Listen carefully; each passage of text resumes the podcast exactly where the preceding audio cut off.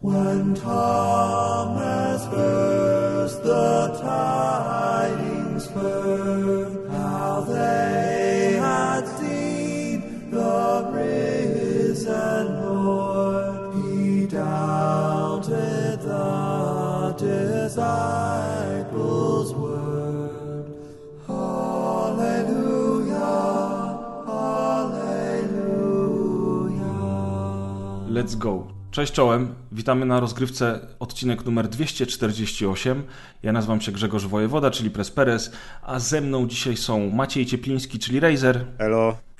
oraz Amadeusz Łaszcz, czyli Deusz. Tym razem nie zaprosiliście, więc się pojawiłem. Tak jest, dziękujemy, że przyjąłeś nasze zaproszenie. Dziękuję, że mnie Do zaprosiliście. Gdańska też byłeś zaproszony oczywiście. No. Nie znam gościa, ale W każdym razie y, kolejny odcinek po 247, a Pierwszy w jeden nowym przed, roku.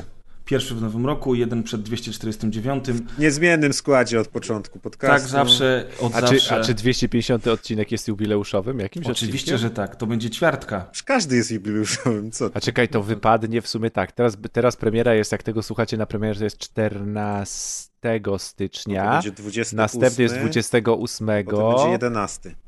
czyli będzie 11. I co Super, to czyli znaczy? po- Nie wiem, nie wiem. Ale można będzie to można podciągnąć pod walentynki, czyli na przykład na walentynki będziecie mogli komuś nagrać płytę CD z rozgrywką Pu- pu- 250. Akurat O, będziecie mieli cały weekend, żeby kupić płytę CD, gdziekolwiek się teraz kupuje płyty CD i nagrywarkę jakąś. W Tesco Dokładnie. są, a nie Tesco już się zamyka zupełnie. Albo puścicie po prostu odcinek na Spotify, na którym możecie nas znaleźć, oraz na iTunes, lub też ściągniecie Albo na Google MP3. Podcast. Albo na Google Podcast. Jesteśmy wszędzie, nazywamy się Rozgrywka, a to jest odcinek 248 i lecimy z tematem. Mamy dzisiaj podsumowanie roku, kilka newsów, e, jedną grę e, i dwa tematy do kulturki. Zaczynamy. O kurna, Dżingiel, teraz teraz powinien dżingiel, dżingiel, dokładnie. tak? Pa, pa, pa. Świetny dzień, naprawdę Tak, świetny dzień. ej, złapał mnie off guard.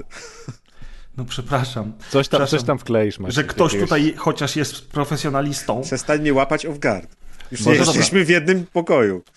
Może, możesz, Niestety, może jako, może jako jingle wstawić tego gościa, co tak spada z konia, tego A, ten słynny Wilhelm filmów. Scream, tak? Tak, Wilhelm Stream. No dobra, Dobra, no ale dobra. prze, dobra. prze, prze, Tak. przechodząc, przechodząc do newsów, to ja tutaj wyręczę preza w pierwszym newsie, ponieważ ja go wkleiłem. E, No bo newsowo to jest trochę bezrybie, początek roku. Oczywiście wiadomo, że dzieje się drama, z dramy się dzieją z NFT i tego typu rzeczami, ale nie wiem, czy nie mamy siły o tym na razie rozmawiać. Aczkolwiek już dwa miesiące temu mówiłem wam, że będzie Dokładnie, drama o NFT. wyjaśniłeś. I dwa miesiące później się zaczęła drama, także zdolności profetyczne niesamowite, jak to zawsze u nas, u nas w podcaście. W każdym razie z dużych newsów Take-Two, które ostatnio chyba nie miało za dobrej pasy, e, bo jak wiecie Take-Two jest domem Rockstara, a, a ostatnio troszkę, troszkę nie wyszły remake'i, e, odświeżone edycje GTA. W każdym razie A sprzedają się dobrze. tak, tak, w tak, każdym razie mm, Take-Two zakupiło Zyngę, e, czyli to jest ta firma, która kiedyś zasłynęła Farmville na Facebooku. Były takie czasy, że e, cały świat grał w Farmville na Facebooku.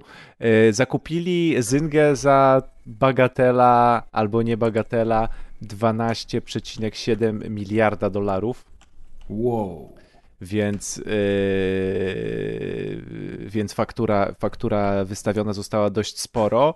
Jeśli chodzi o komunikaty, które przyszły razem z tym w ogóle po co Take-Two zakupiło Zyngę, a mianowicie Take-Two chce przenieść swoje franczyzy, czy jest taki wyraz po polsku jak franczyza? Tak. Chyba tak. Ale nie wiem, czy o to ci dokładnie chodzi. Yy, franchise. Ja W sensie, wiem, czyli ale- GTA, Borderlands, GTA, wiem. Borderlands, Uf, NBA, marki. Bezpiecznie Bioshock. będzie powiedzieć marki dokładnie, nie mylić z Marki, Maćkami. Marki i złotówki, tak. Maćki są na minusie, pamiętajcie Dobrze, zawsze. czyli, czyli przenieść swoje marki y, po prostu w popularną sferę mobilek. Czyli, do, czyli dokładnie Take-Two chce pchać na przykład, nie wiem, Bioshocka, GTA Online na komórkach. GTA, Fajnie. GTA w, Super, w, no, w nie ma co. Szkoda, że świat. Kaza nie ma. Znaczy tak, no, ogólnie, ogólnie tak jak wam mówiłem, GTA, wa- y, GTA 3, GTA y, Liberty City Stories, San Andreas i San Andreas i Vice City możecie bez problemu zagrać na telefonach. E, To są pełne edycje, chodzą bardzo dobrze na telefonach, także to nie ma problemu. Lepiej niż te pecetowe. Natomiast, natomiast no, jeśli się kupuje coś za prawie 13 miliardów dolarów, to raczej to nie są czcze zapowiedzi z przenoszeniem marek na, na, na, na, na telefony komórkowe, więc. Mm, e, Więc pożegnajcie w się z którą- GTA 6. Tak, Z- więc zobaczymy, w którą stronę, Tak. zobaczymy, w którą stronę to ruszy, ale wydaje mi się, że Take Two, e, jak to się z angielska mówi, don't give a fuck, No. po, osta po ostatnim fuck upie z GTA i, i też mocno troszkę taki, taki ruch e, chyba, który wydaje mi się, że przynajmniej w naszej bańce e, takich hardkorowych graczy mm, rozzłoszcza? Nie wiem, czy można tak powiedzieć. Można, hardkorowy świat gamingowy się średnio patrzy, jak duże firmy gdzieś tam na boku zostawiają te AAA, a patrzą się w ten e, świat e, mobilnych gier, apli gro, aplikacjo, serwis, live, serwisów, live serwisów. Ale od lat już wiemy, że to tam jest najwięcej pieniędzy, więc chyba nikogo ta decyzja nie dziwi. Także pożegnajcie się z GTA 6 i pożegnajcie się z łatką na nowe generacje dla Red Dead Redemption 2. Tu, tu, tu, tu. I z dodatkami fabularnymi, tak? No Również. tak, również. Jak chcecie za- zagrać nowy dodatek fabularny, to musicie grać 110 tysięcy godzin w GTA Online, żeby zobaczyć dodatek, w którym e, powraca jeden z bohaterów e, podstawki, a pojawia się również Dr. Dre, który specjalnie do tego dodatku nagrał chyba z sześć różnych kawałków z różnymi artystami. Także powodzenia. Ciekawe, czy prosto z Compton nagrywał. Prosto z Liberty City. Nie, z Los Santos. Los Prosto Santos. z Los Santos. No dobra, drugi news macie taki, że jest 500 godzin grania w Dying Light 2. Tak. No nie wiem, czy was też, yy, też zauważyliście tą dramę, która się odbyła w social mediach. Zauważyliście, a jak? Tak, e, a mianowicie na oficjalnym profilu e, Dying Light e, twórcy mm, Techland, tak, e, pochwalił się e, takim screenem i informacją, że żeby w całości, w 100% wszystko wyzbierać e, w Dying Light i przejść całą grę, tak, tak właśnie na 100%, to będzie potrzebne 500 godzin gry, około 500 godzin e, gry, co zresztą według twórców dumnie się przekłada na na przejście piechotą z Warszawy do Madrytu, mniej więcej tyle by zajęło według, według mapy Google 500 godzin. E, No i wydaje mi się, że ten news chyba według osób, które zawiadują social mediami albo kampanią ma- marketingową Dying Light, ten news e, miał być taki pozytywny i myśleli, że odbiór graczy będzie, będzie pozytywny. Natomiast wydaje mi się, że gracze zaczęli pisać e, komentarze w stylu, czy was powariowało, kto ma, kto ma, kto ma w tych czasach, e, kto ma w tych czasach e, m, 500 tyle godzin. wolnego czasu, żeby poświęcić 500, e, 500 godzin e, w jednej grze. No dobrze, a tu ja się wtrącę tutaj tobie, bo to jest dla mnie ciekawostka, że gracze się oburzyli, dlatego że już od lat mówi się o tym, że jak daję za grę 250 zł, a teraz nawet 350 zł, to wymagam od niej, żeby była długa. I dlatego na przykład nowy Assassin's Creed się nie kończy i sprzedał się najlepiej w serii od wielu, wielu lat. Jest ogromnym sukcesem. No i teraz ja nie rozumiem tego zdziwienia w Dying Light 2, skoro ludzie cały czas uważają, że wielkie otwarte światy na setki godzin to jest właśnie to, bo jak zapłacili te 300 zł, to oni chcą grać przez kolejny rok. No i Techland mówi, słuchajcie, no tak będzie. A nagle ludzie się oburzyli, więc ja już tego środowiska growego kompletnie nie To, rozumiem. to, to jeszcze mogę zrozumieć. Ja nie rozumiem, jak ktoś mógł pomyśeć, że ukończenie tej gry zajmie 500 godzin. no Bo oczywiście, to jest że chyba logiczne, 500 że godzin. 500 godzin, nikt nie stworzy fabuły na 500 godzin. Y, Tu jest akurat Dying Light, jest tą grą z wyborami, które mają wpływ na y, jakiś tam, na tą ścieżkę fabularną, więc możliwe, że jest wliczone też, nie wiem, pięciokrotne przejście gry różnymi ścieżkami. Tak, bo y, oczywiście... I tak dalej. No wiadomo, że lizanie ścian i jakieś tam challenge, żeby wymasterować, jak jeszcze jakieś tam Tak. drabinki i gwiazdeczki do zdobycia w challenge'ach, to, to też jest nabijanie kolejnych godzin. Tak, ponieważ nie Więc- minęło, nie minęło dwa dni, dwa dni i dwa tysiące tweetów później i Mhm. narzekań graczy, pojawiła się nowa informacja, a mianowicie sama kampania to jest 20 godzin, kampania plus e, wszystkie sidequesty to jest około 80 godzin, No. natomiast 500 godzin dotyczyło oczywiście tak, kampanii, sidequestów, wszystkich zakończeń, wszystkich wyborów, Oni, oni napisać, odkrycia że... całej mapy, y, od, od przeczytania wszystkich dialogów i znalezienia wszystkich znajdziek. Oni powinni zrobić, Także- że robiliśmy wewnętrzne testy w biurze i najdłużej, jak jeden z naszych testerów grał, to było 500 godzin i rekordzista po 500 godzinach stwierdził, że ma już dosyć, więc Tak, y, na mamy przykład do, zobaczę- dowód zobaczę- naukowy, że 500 godzin gry zapewniamy. Jeżeli Zobaczenie będziecie, każdej tekstury i tak dalej, i tak, Tak, dalej. tak. jeżeli będziecie chodzić po mapie w Dying Light 2 przez 500 godzin, to tak jakbyście szli z Polski do Madrytu. No, po prostu wiesz. W każdym razie, słuchajcie, jeszcze jedna rzecz, bo No. ja, uważ, ja wiem, dla kogo jest ten komunikat i ja się wcale nie dziwię twórcom, że taki komunikat poszedł. Dying Light 1, mimo tego, że już chyba ma z dekadę, dalej jest bardzo popularne, dalej ma bardzo, bardzo wysoką liczbę graczy aktywnych online, grających w Wierną tę grę. fanów. Chodzi o to, żeby oni wiedzieli, że będą mieli co dodatków. robić, tak? Tak, oczywiście, że tak, no. A przecież nikt się nie spodziewał, tak jak mówicie, że kampania zajmie 500 godzin. Come on, no. Chociaż już mamy takie kampanie jak y, właśnie Assassin's Creed Valhalla, które trwają po 80-100 godzin i mają jeszcze drugie tyle dodatków, które trwają 100 godzin, więc no są takie gry, w których 200 godzin y, zajmuje przejście całej kampanii fabularnej. tak. Ja cały czas Valhalla nie skończyłem, także ja jestem z tych graczy, którzy jeszcze nie skończyli Valhalla. Nie wiem, ile, ilu graczy skończyło całą Valhalla z W wszystkimi ogóle tymi gracze światami, nie kończą mapami. gier, stary. No, ja, jak ja przychodziłem to Halo Infinite y, już jakiś czas po premierze, bo nie grałem od razu przecież i byłem w ciężkim szoku, że do finału, do ostatniego bossa i do, do napisów końcowych doszło 9-10% graczy? Myślę, że osób.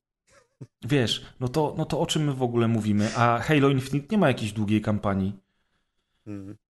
A propos dram, twitterowych, to bodajże y, Dave Chappelle tak mówił, że coś tam a propos Twittera, y, coś tam napisali na Twitterze, ale mam to w dupie, bo Twitter przecież nie jest prawdziwym miejscem, więc mam to gdzieś.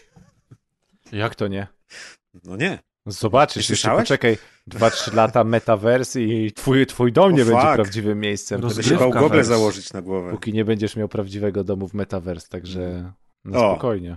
Co za, ale mnie pięknie podprowadziłeś do kolejnego tematu metaversów i gogli wirtualnych, ponieważ w międzyczasie y, Sony, y, z tego co słyszałem, oficjalnie zapowiedziało specyfikację PlayStation VR 2. Prawda? Jak tam zerknąłem tylko kątem oka, to mm, wygląda ta specyfikacja y, nawet lepiej technologicznie niż właśnie Ocu- Oculus Quest 2 od Mety.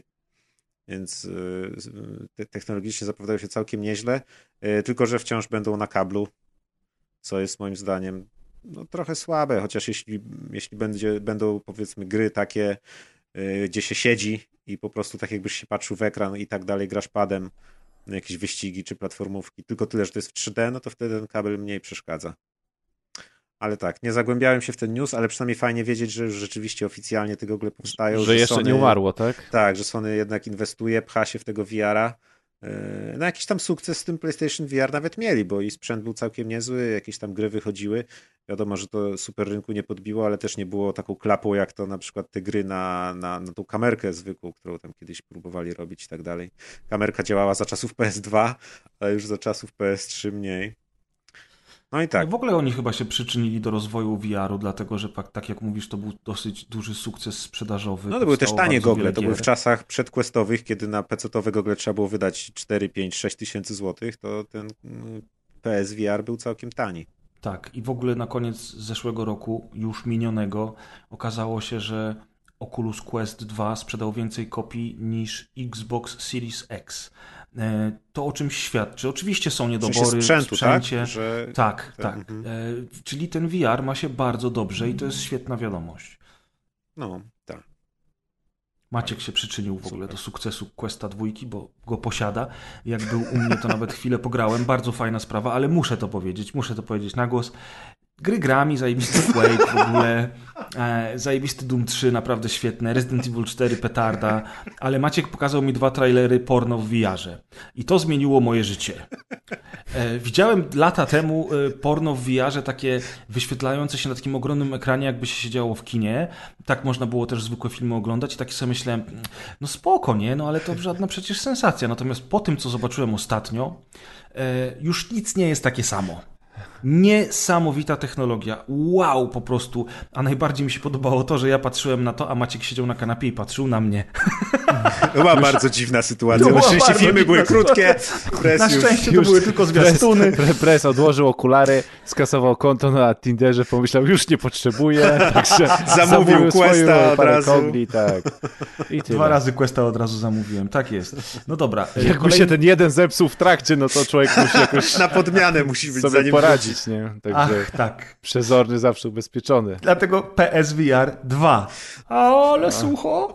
O jest. No i jeszcze, jeżeli chodzi o dwójki, to przesunięty Stalker 2 na grudzień. Co o tym sądzicie? Gra miała się ukazać bodajże w kwietniu, ukaże się 8 miesięcy później. No nie pierwsza, nie ostatnia gra w tym roku, także ile mamy? Dwa tygodnie stycznia minęły i już mam pierwszą zapowiedź o przesunięciu dużego tytułu.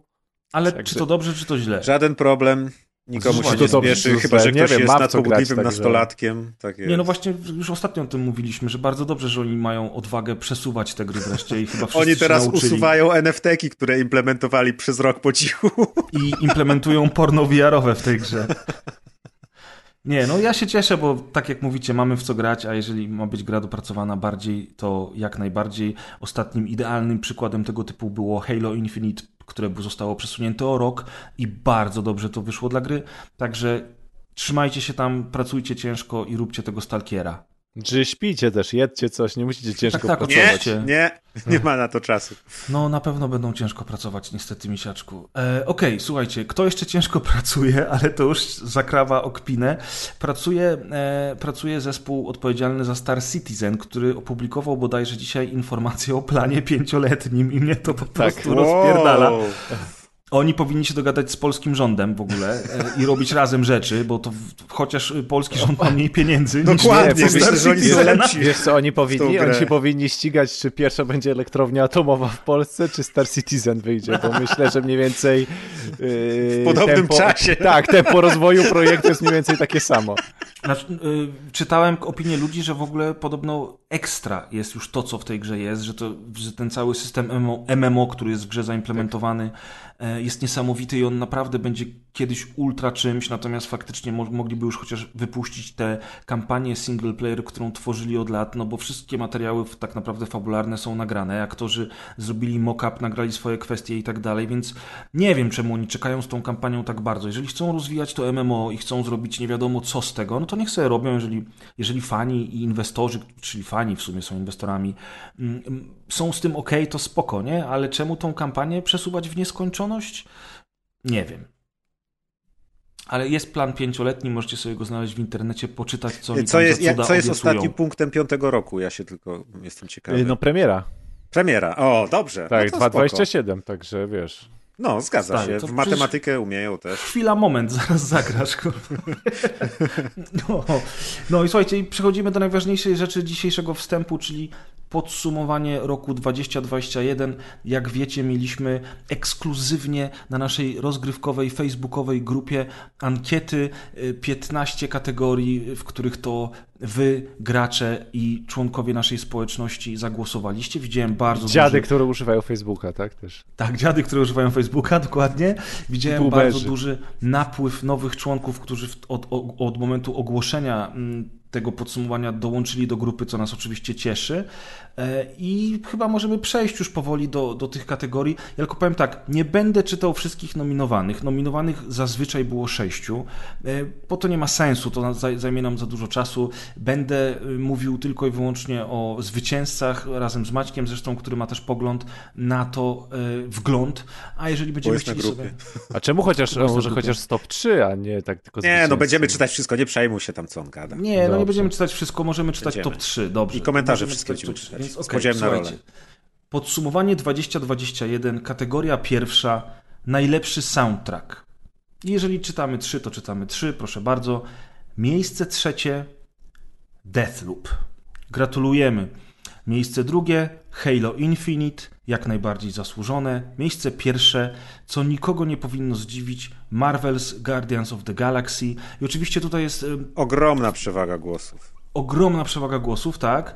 Yy, Natomiast tu jest kwestia tego, że z tym soundtrackiem do Marvel's Guardians of the Galaxy to jest tak, że tam było bardzo dużo piosenek i ludzie też na te piosenki głosowali. Bo w ogóle to się dzieli na OST, e, czyli or- Original Soundtrack, czy score, czy też score, czyli tą muzykę, która leci w trakcie filmu czy gry, jest skomponowana przez jakiegoś kompozytora i zagrana przez zespół czy też mm, orkiestrę i soundtrack, czyli właśnie e, piosenki e, w danym filmie czy w grze. No tutaj mieliśmy jedno i drugie. Ja uważam, że oczywiście te piosenki dominują, są wspaniale dobrane i bardzo klimatyczne, ale sama muzyka w tle, ten score był bardzo dobry w Marvel's Guardians of the Galaxy, dlatego uważam, że pierwsze miejsce jak najbardziej zasłużenie dla tego właśnie tytułu. I nawet Sable na ostatnim miejscu zdobyło jeden głos. No właśnie, to Sable nie grałem... Wiktorowi się podobała najbardziej muzyka w Sable. Wiktorowi, pozdrawiamy Wiktora. Pozdrawiam, Wiktor. Ale A jestem mogę jeszcze, a zaskoczony, mogę jeszcze słyszałem... trochę kuchni? Kto odbierał, e, kto, kto, kto, kto dyktował kategorię? Czy można się było dopisać, bo ja tak... Nie można było. yy, Były zamknięte Żeśmy, były tak. zamknięte, bo uznaliśmy z Maćkiem, że jeżeli będą otwarte, to będzie 100 razy sprzedam A i wy sobie wymyśliliście tak, że Sable miał fajne, tak? Po prostu? wymyślał, tak, głównie, tak. Nie, Press badał, y, Press badał y, generalnie nagrody i podsumowania roku na różnych branż, branżowych A. Studiował serwisach. Czyli, I- czyli wszystko jest zgodnie ze sztuką, czyli Tak, sugerowałem się tym, co, co, co pisały tak. media branżowe, chociaż oczywiście są też takie kategorie typowo rozgrywkowe. I tam już wszyscy wymyślaliśmy. Jest też kategoria, o której zaraz opowiem, którą przygotował tak naprawdę nam Deusz, czyli ty. E, Wszystkie nominowane tytuły, ale do tego zaraz przejdziemy. A teraz kategoria 02, czyli najlepszy multiplayer slash co-op. Uznałem, że nie będziemy się tutaj rozdwajać. Multiplayer co-op No tak, gry do grania z zabawę. ludźmi innymi. Tak, PvE, PvP, gry do grania z najgorsze. innymi ludźmi. I co ciekawe, w ogóle to mnie akurat za, zaskakuje, chociaż głosów jest Maci- maciupeńko. Na trzecim miejscu znalazło się polskie Outriders.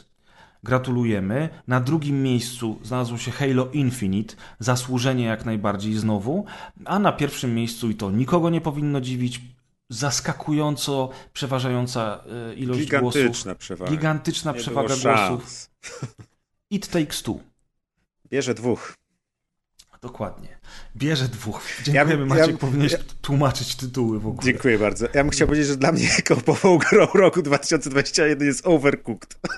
Oj tak, graliśmy u mnie w Overcooked. Myślałem, że ten trailer pornosa, co tam siedzieliście razem na kanapie. To był średni koop, bo ja się trochę nudziłem, ale to moja wina, nie chciałem się angażować. Może gdybym się postarał, to też bym się lepiej bawił. Ale, super, Overcooked super. jest Overcooked rewelacja, jest bo grałem mega pierwszy po raz teraz i super. Ja grałem drugi raz, ale pierwszy raz grałem w dwójkę teraz z chłopakami i naprawdę się świetnie bawiłem i to jest przepiękna gra. No i tak to wygląda, moi drodzy, jeżeli chodzi o drugą kategorię, natomiast kategoria trzecia to już jest typowo rozgrywkowa kategoria, a mianowicie kolesiostwo. Chodziło oczywiście w niej o różne strony, podcasty, nie tylko zaprzyjaźnione z nami, ale przede wszystkim takie, które w ubiegłym roku wchodziły z nami w interakcję. I tutaj na trzecim miejscu z całkiem dużą ilością głosów znajduje się Psaweł. Gratulujemy i pozdrawiamy. Na drugim miejscu zasłużona, podobnie jak Halo w poprzedniej. Na drugim miejscu Fakes Forge, e, tylko troszkę więcej głosów Tak, od oni Psawła. tu się bili pewnie do, do, do Bardzo mocno się chwili. bili. A na pierwszym miejscu oczywiście, co nikogo nie powinno zaskoczyć, jest Forum Ogatka. Gratulujemy, No, pozdrawiamy wiadomo. serdecznie. Ja tylko chciałem jako honorable mention y, wspomnieć Stare Konie, bo, bo, bo chłop y, w ciągu tego roku się niesamowicie rozwinął, zrobił bardzo dużo dobrego i, i w ogóle na socjalach to ma dużo większe zasięgi niż myśmy mieli kiedykolwiek. Także gratulujemy. Myślę, że ten rok będzie dla niego jeszcze lepszym i to była kategoria numer 3. A jak ktoś nie ma Facebooka i nie wie, to warto wspomnieć, że jeszcze były też nominowane Lawokado i M Kwadrat Podcast. Tak, właśnie. Też bardzo fajne, fajne, fajne ekipy. Y, Zresztą na M kwadracie pojawił się Maciek w ubiegłym roku, ja się pojawiłem na Lawokado. Polecamy, obczajcie temat. Kolesiostwo. Kolesiostwo. Kategoria numer 4. Najlepszy singiel. Chodzi oczywiście nie o mnie, tylko o grę single player. O, ile to pisałeś, co od Sylwestra ten żart chyba. On po to planował te ankiety, żeby tego tak Joke'a wsadzić. O, Dokładnie. E, Ojej. Teraz ta teraz ankieta tak. jest gorzej wygląda dla mnie. Zresztą jest słabsza. it's, com- it's complicated. Dałbym inne teraz tu opcje do wyboru w tej ankiecie. No i tak, e, trzecie miejsce Loop Hero. Bardzo dużo o grze słyszeliśmy w ciągu roku, ja w nią chwilę pograłem i chociaż nie jest to gra dla mnie, to doceniam. Uważam, że to jest naprawdę solidny tytuł. Drugie miejsce Psychonauts 2, nikogo to nie dziwi. Bardzo dużo ludzi chwaliło tę grę w tym roku i była wszędzie ona nominowana. Nie wiem, czy chłopacy graliście, bo ja niestety się Jeszcze od niej nie odbiłem. właśnie, jeszcze nie. Zainstalowane mam, ale cały czas nie. Bo też mnie odstrasza długość, bo jak sobie chciałem powiedzmy w przerwie jeszcze świątecznej zagrać i zobaczyłem, że to jest tytuł na 20+, plus Mhm. Dobrze, nie to 500. sobie pomyślałem, że nie zdążę i odłożyłem na zobaczymy na za kiedy. Czyli, czyli cytując klasyka Ain't nobody got time for that. Yy, No i pierwsze miejsce Strasznie się cieszę z tego miejsca, też zresztą bardzo duża przewaga głosów, jak najbardziej zasłużone. Najlepszy singiel 2021 roku to oczywiście Marvel's Guardians of the Galaxy. I wyście dalej w to nie grali. No nie. Nie, wciąż No, nie. Ale ta gra No, się na pewno czekam. dobrze zestarzeje, więc to nie zaszkodzi, jak później zagramy. ale nie ma co czekać, naprawdę. Trzeba w to zagrać jak najszybciej, bo to jest mega, mega dobra gra. No i kategoria piąta, słuchajcie, ile jeszcze można ze znakiem zapytania? Chodziło w niej oczywiście o to, y, czy, czego najbardziej mamy już dosyć, bo sequeli w ubiegłym roku było sporo, y, dostajemy ich cały czas non-stop, niektóre serie przerodziły się w tasiemce i tutaj była dosyć y, wyrównana walka między, pierwszym a drugim miejscem, ale oczywiście od trzeciego zaczniemy. Na trzecim miejscu znalazła się Forza Horizon 5. Tak, gracze mają już trochę Naprawdę dosyć tej samej formuły. Forcy? I to nawet Oczywiście. bardziej niż Battlefielda 2042, który był na czwartym, nie wskoczył na Tak podium. jest. Tak jest. Mnie to mimo wszystko cieszy, bo jednak y, cieszę się, że to nie tylko ja zauważam, że ta gra wcale nie jest idealna, tylko y, no jest tą samą grą od lat. Tak, ona jest, jak, tak jak już mówiłem, ona jest jak Oscar dla Scorsese za The Departed. Czyli troszkę tak zasłużona nagroda, ale nie do końca. Ale jeszcze jakby ta, ale, ale nie, wydaje wam się, że ta kategoria trochę implikuje y, gry, które po prostu wychodzą takie same, ale też często wychodzą, czyli na przykład co rok albo co dwa lata, w sensie, Nie no, że... No nie ma tu ale- FIFA żadnej, ani wiesz... Nie ma tu FIFA, a jest na przykład Halo Infinite, które wcale tak regularnie nie wychodzi, czy Hitman No właśnie, 3. to- tak. Więc No wiesz, te- to, to nie jest tak, że... No, a Hitman to już w ogóle wyszły po prostu trzy części już i, i No ten tyle Hitman to jest ciekawe właśnie. To jest trylogia i tyle, jakby cze- czemu no, no No, ale... ale- ale to jest trzeci raz ta sama gra, tak No samo ale jak ona Forza. zawsze miała być trzeci raz po prostu takim, e, w sensie tam, tam, tam od początku, w sensie powiedzmy między, drugą, między pierwszą a drugą częścią już było wiadomo jaki jest pomysł na tę grę, że to będzie Hitmanów hub w ogóle misji przecież tak było naprawdę. więcej niż trzy. Trzy to Tak, są więc- z najnowszej więc- serii. No, tak, to i jest... ta najnowsza seria zresztą przyjęła taką, e, taką em, postawę albo taki koncept bycia takimi hubami, mini misjami bondowo hitmanowymi, No to może najwyraźniej tak, trzeci raz punktów to już i tak dalej, i tak dalej do wyzwań, więc... To pocieszymy Deusza tym, że Hitman 3 otrzymał, jak, y, otrzymał bardzo mało głosów i uwaga, nomen omen otrzymał trzy głosy, więc, więc ludzie nie mają jeszcze go dosyć. Na trzecim miejscu Forza Horizon 5, na drugim miejscu, i tu jestem strasznie zawiedziony, bo bardzo liczyłem, że będzie to miejsce pierwsze, ale bardzo niewiele brakowało, żeby było. Call of Duty Vanguard. Zasłużone drugie miejsce dla Call of Duty 96 Vanguard. tysięcy głosów zdobył. Tak jest. Ile jeszcze można? A na Ale pierwszym? 3 A na tysiące pierwszym głosów więcej. Press. Je, ładnie. To za tego singla. Dziękuję. Dziękuję ślicznie. Na pierwszym miejscu jest, słuchajcie, Far Cry 6. Yep. I to chyba nie powinno nikogo Prawie 100 dziwić. tysięcy głosów.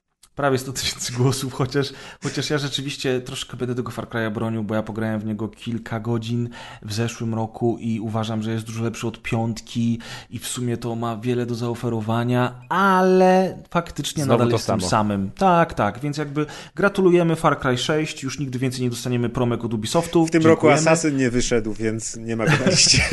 Inny chłopiec do bicia musiał się znać. Nie, oczywiście to nie jest chłopiec do bicia, to się absolutnie zgadza i, i jakby rozumiemy te głosy, popieramy. Podsumowanie 2021, kategoria szósta, najlepszy sprzęt. I to jest. Nie chodzi. A nie, to nie chodzi. znowu, Dobra. tak? Nie, spokojnie. Nie, nie, Tutaj ktoś inny jest reprezentantem. spokojnie. Ja przeczytam wszystkie sześć, bo to jest ważne. Tak. Więc na szóstym miejscu znalazł się Oculus Quest 2. Dobrze, szóste miejsce, nie jest źle. Na piątym miejscu znalazło się Nintendo Switch. Na czwartym miejscu znalazło się PC. Na trzecim miejscu, szkoda, bo liczyłem, że jednak to będzie pierwsze. Na trzecim miejscu w kategorii najlepszy sprzęt znalazł się Siusiak Mikiego D. No Pozdrawiamy. jednak nie jest to taki naj, najlepszy sprzęt, ale wciąż na pudle. Nie jest to najlepszy sprzęt, ale. ale Doceniany, pudle ale... Nie na pudle, nie na pudle, w pudle, dick in the box, wiesz. Pudle, a okej. Ale, ale żarcik teraz poleciał. E, Drugie miejsce PlayStation 5. Pierwsze miejsce Xbox Series X z dosyć dużą przewagą głosów. Gratulujemy. Prosimy o promki od y, Sony i od Microsoftu. Dziękujemy. Mikołaj, ciebie nie prosimy o promki, ok? Ani o piki. Żadne dick piki. Dziękujemy. Trzecie miejsce jest dla ciebie nagroda, ale nie chcemy promek. Także tak, Ale to że była PC jest tak daleko. na czwartym miejscu. No wiesz, no PC nie może wygrać Wiadomo, że za siusiakiem, to wiadomo, to tak, no ale że, no tak, no nie było się już gdzie wcisnąć, rozumiem. Ale powiem wam, że jakaś taka dziwna kategoria. Konsole rywalizują z Oculusem. No, A- sprzęt ale to wiesz, sprzęt. to chodzi o sprzęt, prawda? No to z No czym ale to wiesz, to sprzęt to mogłeś tutaj dać, nie wiem, odtwarzacz DVD. Pa, Mogłem, e, ale przecież głównie Nie, to nie jest się grami. 2003, Deusz. No tak, ale Ja już jeszcze to- pamięta, jak razem z Dominikiem Turetto kradli te odtwarzacze przenośne DVD w pierwszym Need, for Speed, chciałem powiedzieć, w pierwszym e, Fast and Furious. For, for, for, for, for fuck's sake! No, For DVDs. no, for DVDs. I oczywiście For Family. I to było szóste miejsce, a na siódmym miejscu, znaczy, przepraszam, to była szósta kategoria. Tak. Podsumowanie 2021, kategoria 07, najlepszy bohater slash bohaterka i tutaj, e, tutaj e, znalazły się głosy sprzeciwu, a mianowicie jeden głos sprzeciwu Tomka Pieniaka, Co znowu? Co znowu? który powiedział, że to jest bardzo głupia kategoria, bo skoro jest bohater, bohaterka, to czemu są pary i drużyny? No, ponieważ są pary i drużyny, bo gdybyśmy mieli znowu dzielić włos na troje i e, robić do każdego osobną kategorię, to by było trochę bez sensu. Dobrałem więc e, postaci Po z tytułach gier, które po były... prostu. Nie, które były, to były najbardziej rozpoznawalne gry w tym roku i w sumie To, tak się to powinna się kategoria nazywać najlepsza drużyna od jedno do wieloosobowa. O, albo na przykład... Ci do wolnej, bez dyskryminacji. Przeczytam w sumie wszystkie sześć kategorii, bo to A później to kategoria z piłka będzie. dyskryminacją macie. tak jest, każdy musi być zadowolony.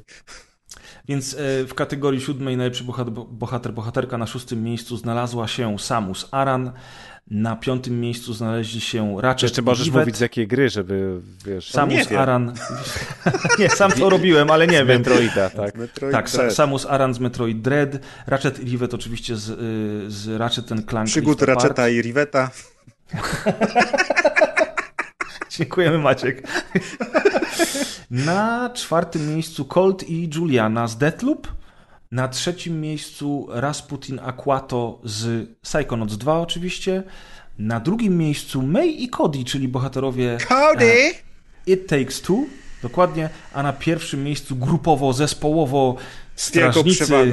Galaktyki. Z- Oczywiście z wielką przewagą. Ja się 83 strasznie cieszę. głosów. Masakra. Tak jest. Ja Wydaje mi się, cieszę, że ludzie Prez, się że jak układałeś te kategorie, to No. jakoś tak się podświadomie sugerowałeś, żeby ci Strażnicy Galaktyki w dużej ilości kategorii Nie, wybrali. właśnie nie. Zobaczysz zaraz. A poza, zobaczysz tym, a zaraz. poza tym też już teraz pragnę zauważyć, że bardzo często zdarzało się, że pierwsze miejsce tak naprawdę zdobywało na przykład dwie trzecie głosów, albo, albo o dwie trzecie wyprzedzało drugie miejsce. Ale to nie jest tak, że, a to nie jest tak, że to była pierwsza kategoria, która była do wyboru. Wiesz o tym, nie? Bardzo często y, y, te kategorie się pojawiały na Facebooku w ten sposób, że one były w takiej kolejności, w jakiej ja je wpisałem. I bardzo często pierwsze czasowym. miejsce.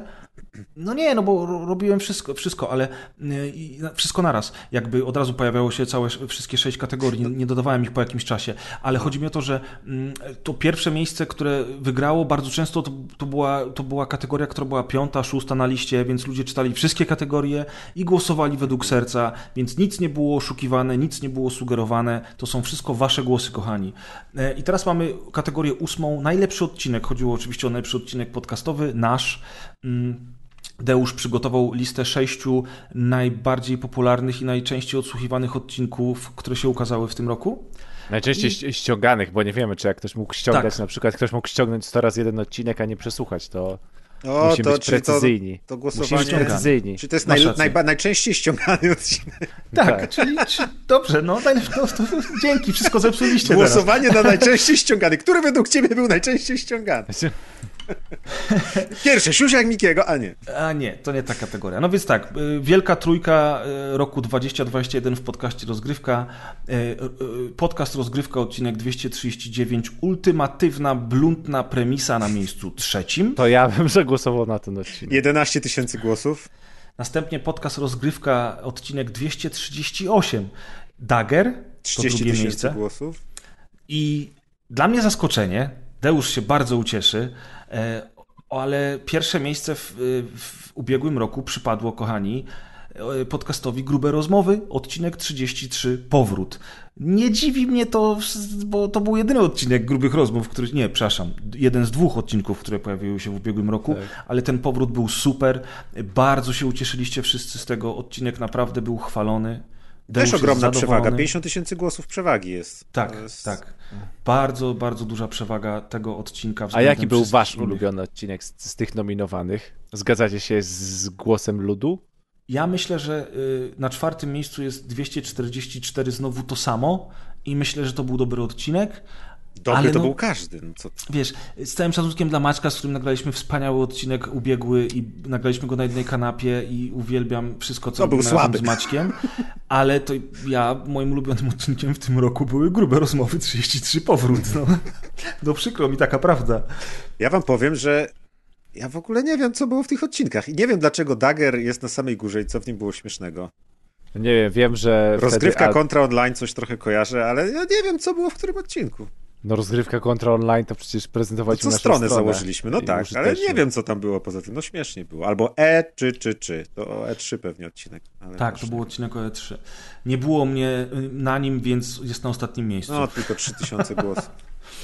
No, słuchajcie, więc to była kategoria ósma, najlepszy odcinek. Jeżeli ktoś jeszcze nie słuchał tych odcinków, to zachęcamy do nadrobienia. A jak ktoś będzie słuchać, to niech robi notatki i napisze z czasówkami, było. I co i było czemu- najśmieszniejsze i czy- w danym Tak, i odcinku. co było najśmieszniejsze. To by się bardzo przydało, naprawdę. Czyli Maciek nie umiałbyś zagłosować w tym e, Nie, nie potrafiłbym. kategorii. Nie.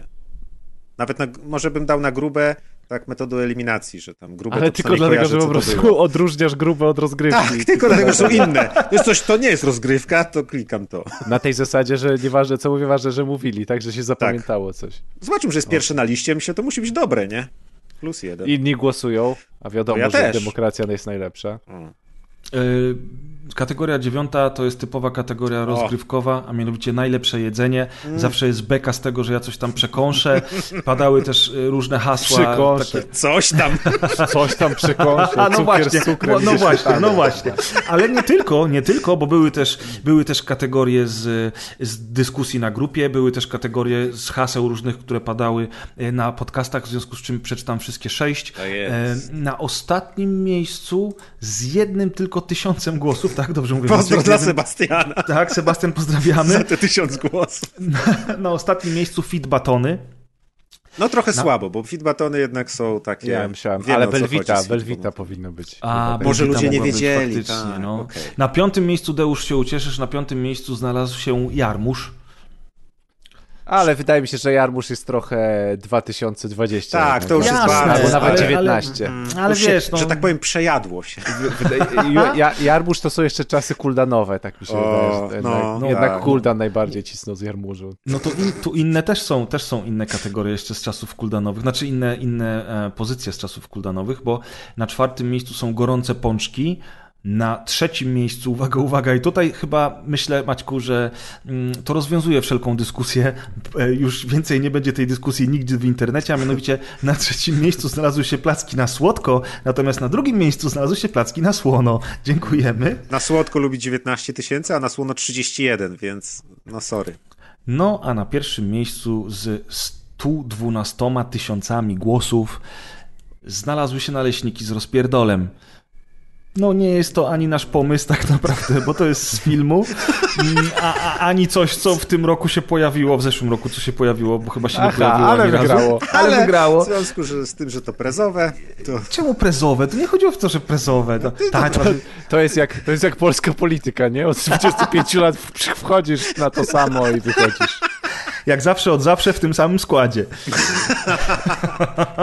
Totalnie jak polska I polityka. że to są naleśniki z rozpierdolem. Totalnie to jak też polska polityka pasuje, bez kitu. no.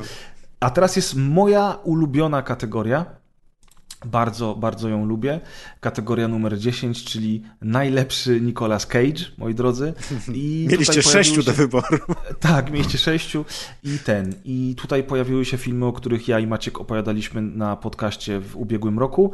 Na szóstym miejscu Prisoners of the Ghostland, na piątym miejscu Primal. Mm, Trochę mnie to dziwi, bo przecież to piękny film. Na czwartym miejscu Running with the Devil.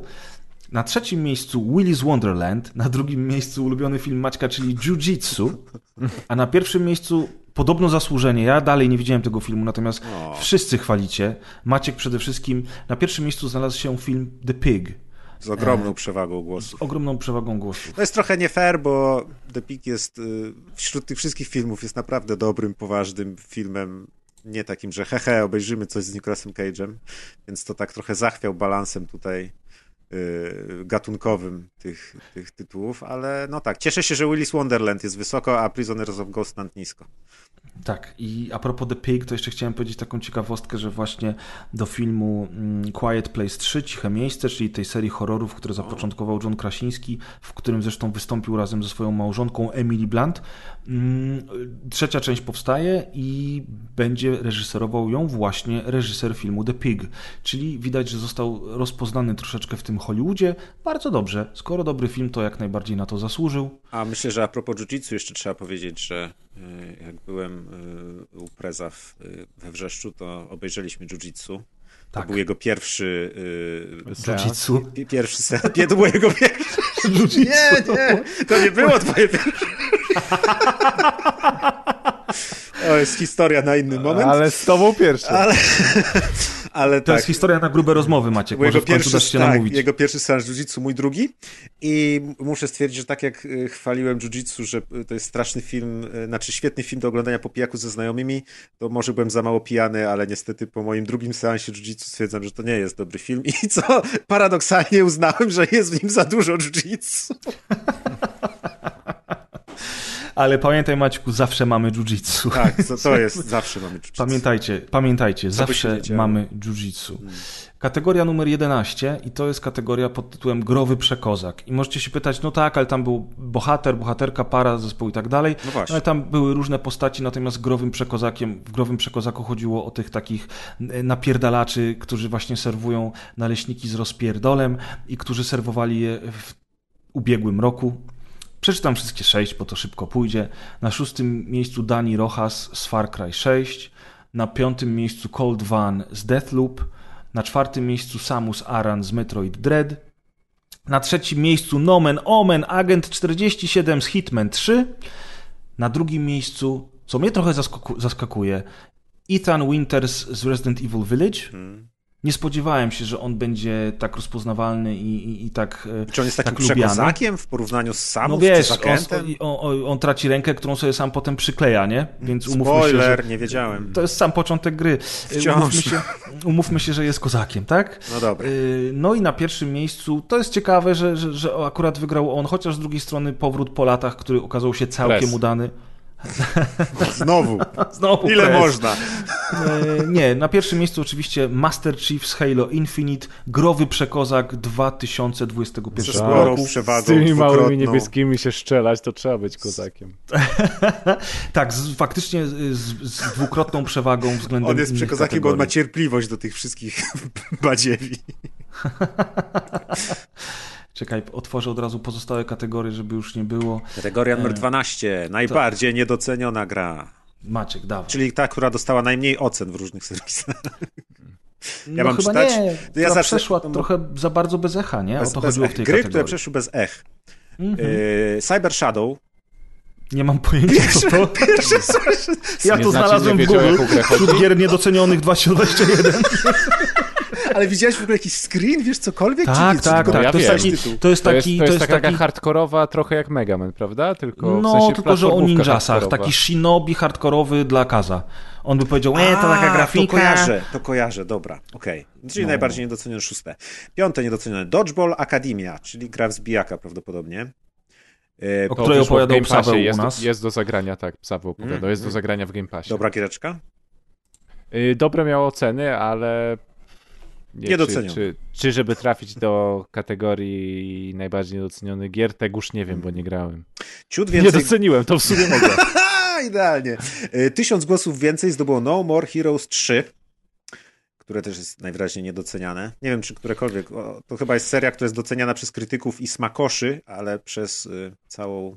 Jest na wszystkich listach do nadrobienia poprzednie edycje z poprzednich konsol Nintendo. Zawsze, Tak jest. zawsze z, te Ile głosów 10 powiedziałeś, gier. Maciek? Do- Dostało No More Heroes 3? Dostało w sumie 9 tysięcy, tysiąc Tak. więcej niż Dodgeball Academia.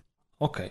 No i potem już zaczynamy z grubej rury, od razu skaczą cyferki, 24 tysiące głosów na The Artful Escape na miejscu trzecim. No, niby niedocenione, no. Wygraliście, czy tylko ja grałem? Tylko ty. Grałem, ja A, grałem. przepraszam. I ja co? też później zagrałem. Yy, w, ciekawe w kategorii doświadczenia. W kategorii ciekawostka. Tak, w kategorii ciekawostka. W kategorii ciekawostka, Okej. ale żeby to był super indyk. W To kategorii ciekawostka na pewno warto sprawdzić, szczególnie, że jest w Game Passie. No tak, za, za 4 zł to nie szkodzi. Hola, hola, mnie Microsoft skasował w tym miesiącu 55 ziko. No, jak jesteś frajerem i nie umiesz, kurde, co ty, co ty, nie masz polskiej krwi już w żyłach Od zupełnie? razu wyrzuciłem wszystkie cebule do śmietnika, No. jak zobaczyłem, że zapłaciłem 55 zł. Mówię, o, już koniec Teraz cebuli. będziesz grać 24 na dobę, żeby to, wiesz, wykorzystać, nie? Nie mogę spać, bo mam pełne, pełnopłatnego Game Passa. I muszę to, muszę to wykorzystać. Okej, troszkę A bardziej... że to jest docen- Ultimate, to na raz grasz na PC i na konsoli. Na. A, no, no. Dobra, trochę bardziej niedocenione, jeszcze bardziej było The Ascent. Yy, I A najbardziej... to, nie była, a, a, to, a to nie była słaba gra, przepraszam, bo ja pamiętam waszą recenzję Nie, The Ascent. ona nie była super słaba. Była średnia gra. Była przepiękna, poza- bardzo poza ładnie wyglądała. grafiką, tak. No Czy, czy, czy jak mamy grę nic specjalnego poza grafiką, to czy taka gra y, w natłoku dużej ilości ciekawych gier ma prawo albo szansę trafiać do takiej kategorii? Jestem ciekawy, dlaczego ona jest niedoceniona, bo y, wszyscy zwracali uwagę na to, że jest piękna, czyli jej główny atut wszyscy chyba docenili, ale też wszyscy mówili, że jest no, nudna i nie, nie, nie ciekawa, niewiele się tam dzieje, jest bardzo powtarzalna.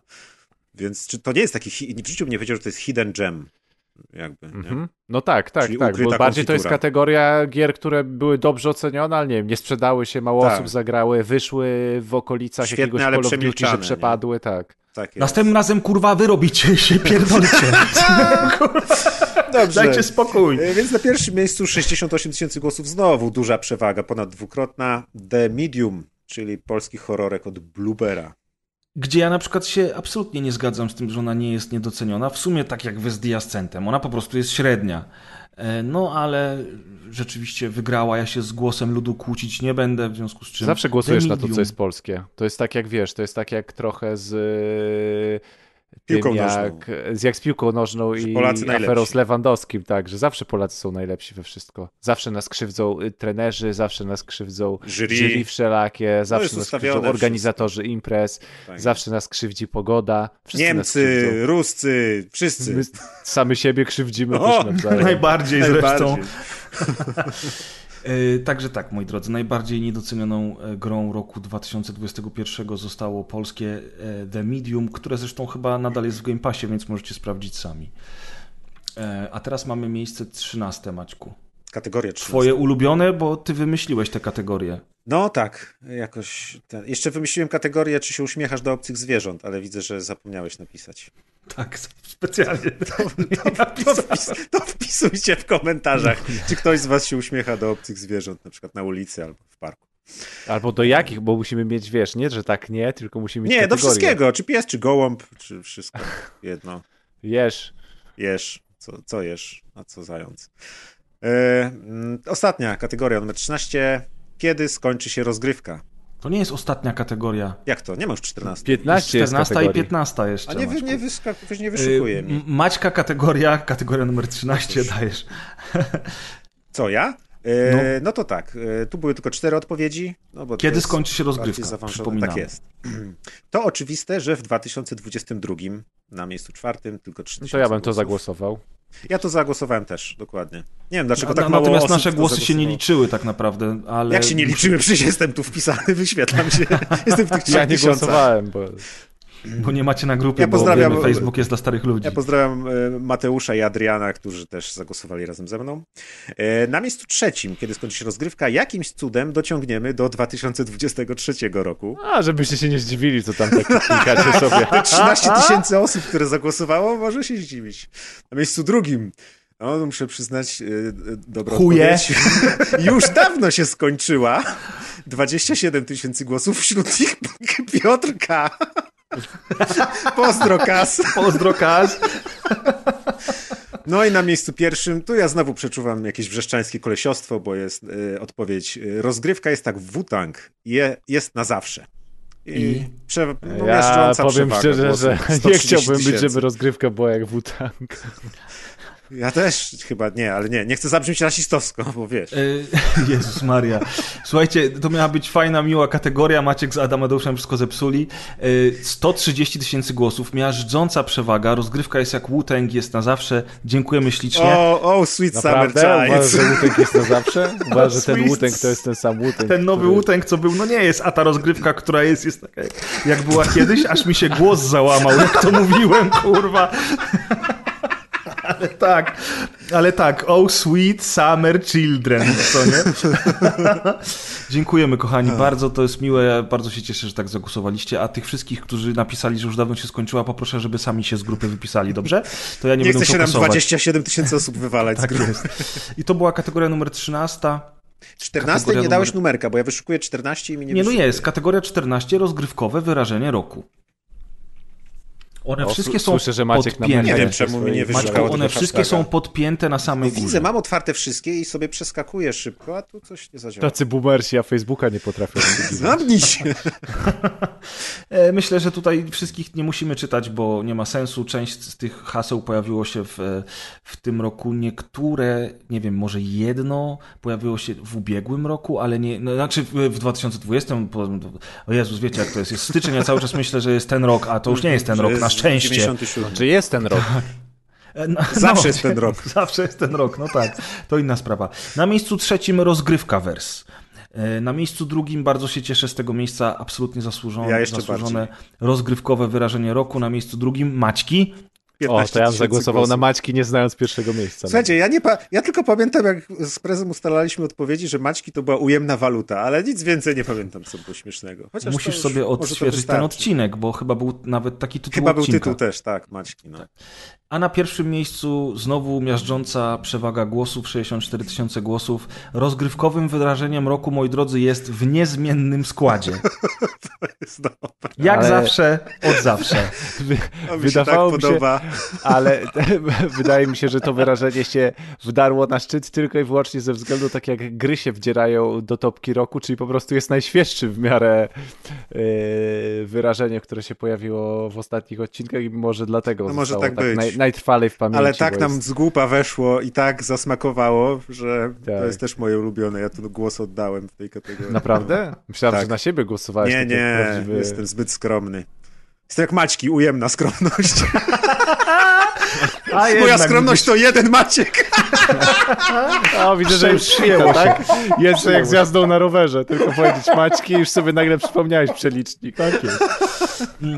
Kategoria ostatnia, y, co ciekawe, chyba najmniej popularna, bo najmniej osób y, zagłosowało, była to kategoria otwarta, dlatego że uznaliśmy, że damy Wam wypisać jak najwięcej mm, tytułów, y, ponieważ chodzi oczywiście o grę roku. O, to wszystkie trzeba przeczytać. Gra roku 2021. No nie, no bo tam potem No poniżej... dawaj, no. Po tysiąc głosów.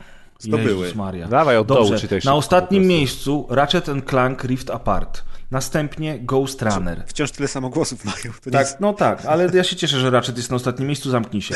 O, Ghost Runner, już zapomniałem o tej grze w ogóle. Potem Shin Megami... Powinno trafić do przegapionych.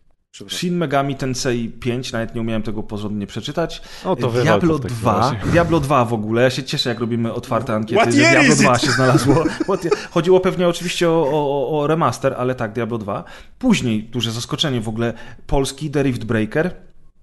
Następnie, i to też tylko z jednym głosem, Resident Evil Village, ciekawe.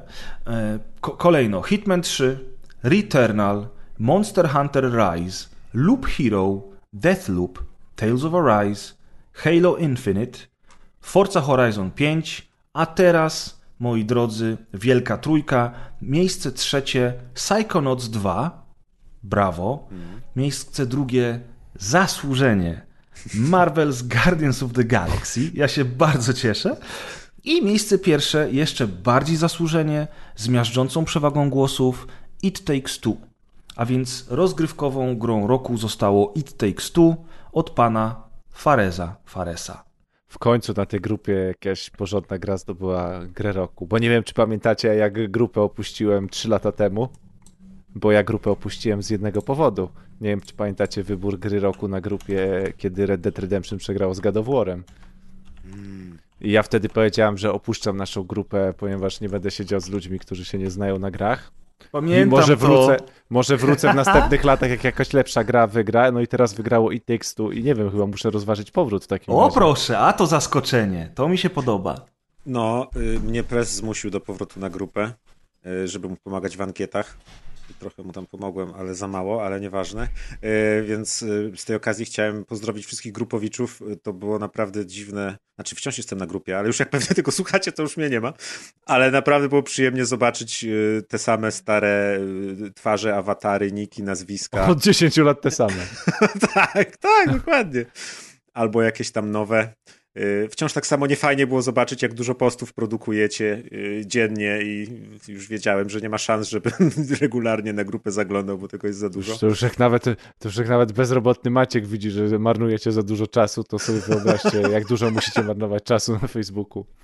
No, ale nie, bardzo fajnie jest, są dyskusje. Poczytałem trochę opinii y, o podcastach i tak dalej, znaczy w sensie o odcinkach albo coś, albo reakcje na filmiki y, z naszego klaskania, mojego i Marka, kiedy klaskaliśmy we wrzeszczu na różne rzeczy i Press nas filmował y, w, w Sylwestra. I to wszystko było bardzo fajne, bardzo miłe, fajnie się po, posłuchać o tych. Jakoś mam wrażenie, że y, na tym, pod odcinkami na stronie to są zazwyczaj takie komentarze w stylu nie zgadzam się, bo coś tam, albo na, na, na, na, na. A na grupie są komentarze, ale fajny odcinek, dzięki, fajnie się słuchało i ten jakoś tak, nie. A to musimy jakąś rozstrzał. sztyczkę zainstalować, żeby się podmieniły te komentarze. Żeby te z Facebooka żeby, lądowały tak, żeby automatycznie szły tylko te Space'a. Słuchajcie, jak jeste, jeszcze jesteśmy przy podsumowaniu, to ja chciałem tak od siebie podsumować zeszły rok, dlatego że było bardzo dużo komentarzy, dyskusji i pytań do nas. E, Ja nie będę się wypowiadał w imieniu wszystkich kolegów, tylko opowiem o sobie, Wszystkie że... skasowałem. E, Nie, nie, że faktycznie było dużo pytań, chociażby pojawiły się wątpliwości o jakość naszych nagrań w pierwszej połowie roku. Ja się wcale nie dziwię. Czy też wątpliwości i pytania o frekwencje nagrywających, bo czasami nagrywaliśmy tylko we dwoje i tak dalej. W różnych tam. dwóch. We dwóch, przepraszam. W różnych tam e, konfiguracjach. E, i Też się nie dziwię o te pytania. Natomiast ja powiem pokrótku. E, Będę mówił tylko za siebie. Po Jeżeli czym chcecie powiesz? Pokrótce, Po przepraszam. krótku. Najpierw krótku. krótek wystąpi, a potem pres. Pokrótku, no. e, powiem tak. E, to, Krótek to mama. jest ten z Harry'ego Pottera. Nie, nie chciałem Widzicie, powiedzieć, dlatego właśnie nigdy nie i wam mama, żadnych cię, istotnych mama cię informacji. była, to mówiła, a teraz mówiłem po, po krótku.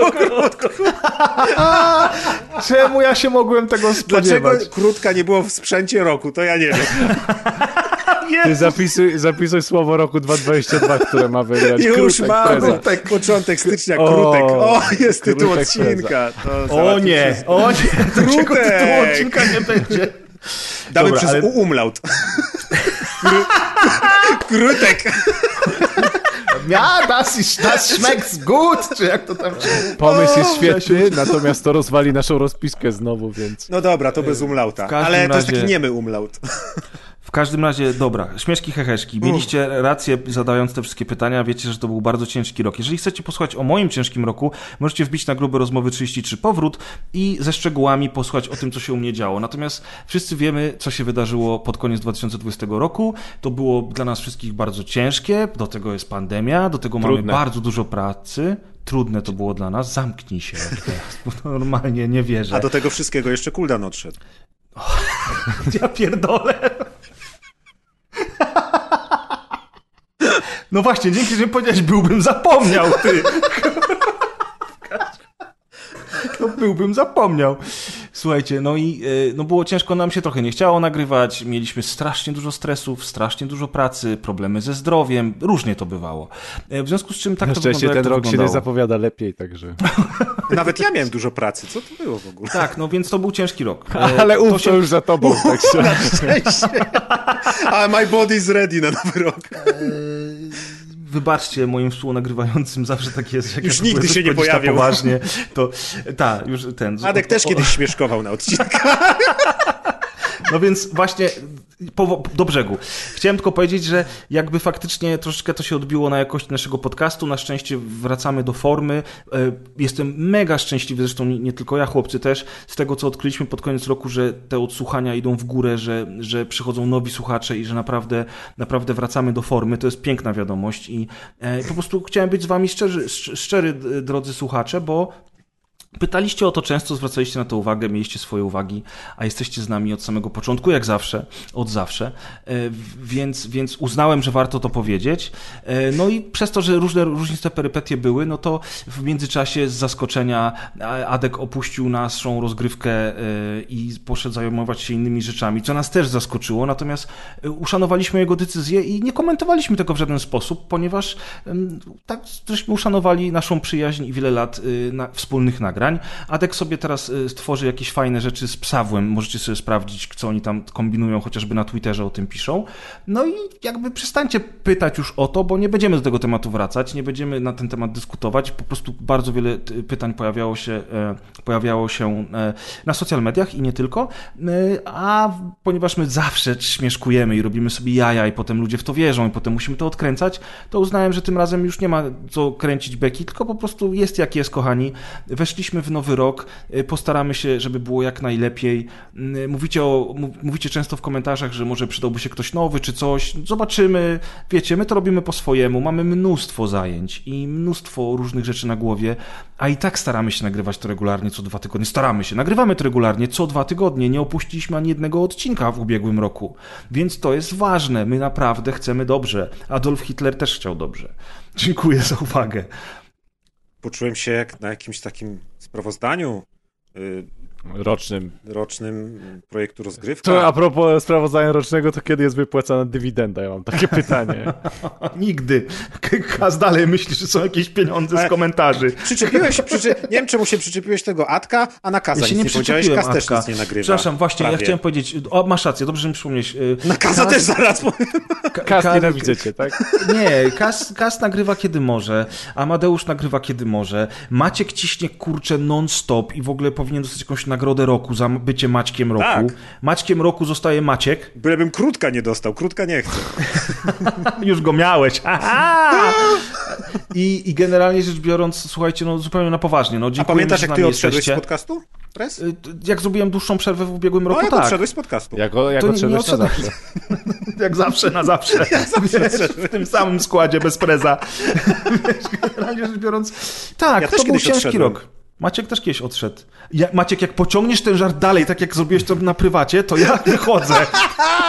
Wiecie, kto jeszcze odszedł. Chcieli, chciałem zrobić taką kategorię. Najlepsze odejście z podcastu rozgrywka. Ale prez nie chciał, bo i tak wiedzieliśmy, kto by wygrał, więc wiadomo. Także tak. Yy, przepraszamy za Maćka, naprawdę. Deusz przestał się odzywać w ogóle. On się tam kisi ze śmiechu teraz. Ja, ja przetrawiam. Wiesz, że Deusz chyba wszyscy odchodzili z podcastu, tylko nie ty i Kas? No. Deusz odszedł z grupy. No to z grupy, no, no to, to kto nie odszedł z grupy? No. Ale, ale z podcastu nigdy. No. Jak zawsze, od zawsze. Amadeusz Łaszcz, czyli Deusz. I Kaz, który jak tylko będzie mógł, to na pewno będzie się pojawiał. Zresztą ostatnio jak Kaz się pojawił, to była petarda, było mega śmiesznie, ludzie się bardzo cieszyli z jego powrotu, więc oczywiście Kaz nigdzie nie idzie. Ludzie tak.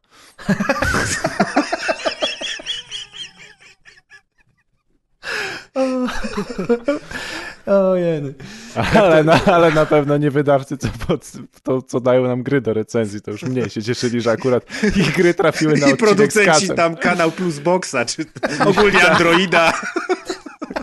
Google się zdenerwowało. Wielu ludzi się nie cieszyło, umówmy się. Musi być balans zachowany, yin i yang. Yin i yang, prawie jak y, ten Ratchet and Clank. Ale mi to wyszło teraz, człowieku. Jezus. Nie spodziewałem się, że dzisiaj będzie dobry odcinek, naprawdę. Zawsze, bo zawsze jak, jak chcemy coś podsumować albo mówić na poważnie, to po prostu wchodzi jakaś głupia głupawka, ale to nie jest Zapomniałem głupawka. zamknąć drzwi do pokoju i kot mi tu włazi i może go słychać nawet na czwartym planie. E, tam. Tym śmieszniej. To ty będziesz potem ciężko pracował, żeby go wyciszyć, więc będę. mamy to w dupie z Deuszem. Odgłośnie. No i słuchajcie, i to by było na tyle, jeżeli chodzi o ten temat. E, I przechodzimy do działu gier, bardzo obszernego w dzisiejszym odcinku. Mamy aż jeden tytuł, słuchajcie. Jeden słownie, ale to za to ale... dziesiąta odsłona w serii, chociaż tak naprawdę to nie do końca.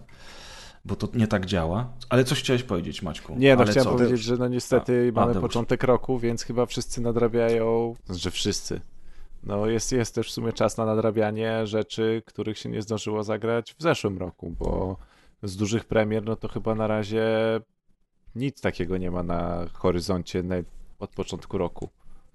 No nie, wiem, nie czy, ma. Czy macie, tak, czy macie to na coś takiego, że nie wiem, w przeciągu dwóch tygodni, trzech tygodni wychodzi i na pewno będziecie musieli w to zagrać? Najbliższą grą, która mnie interesuje, to chyba Sifu wychodzi w lutym jakoś.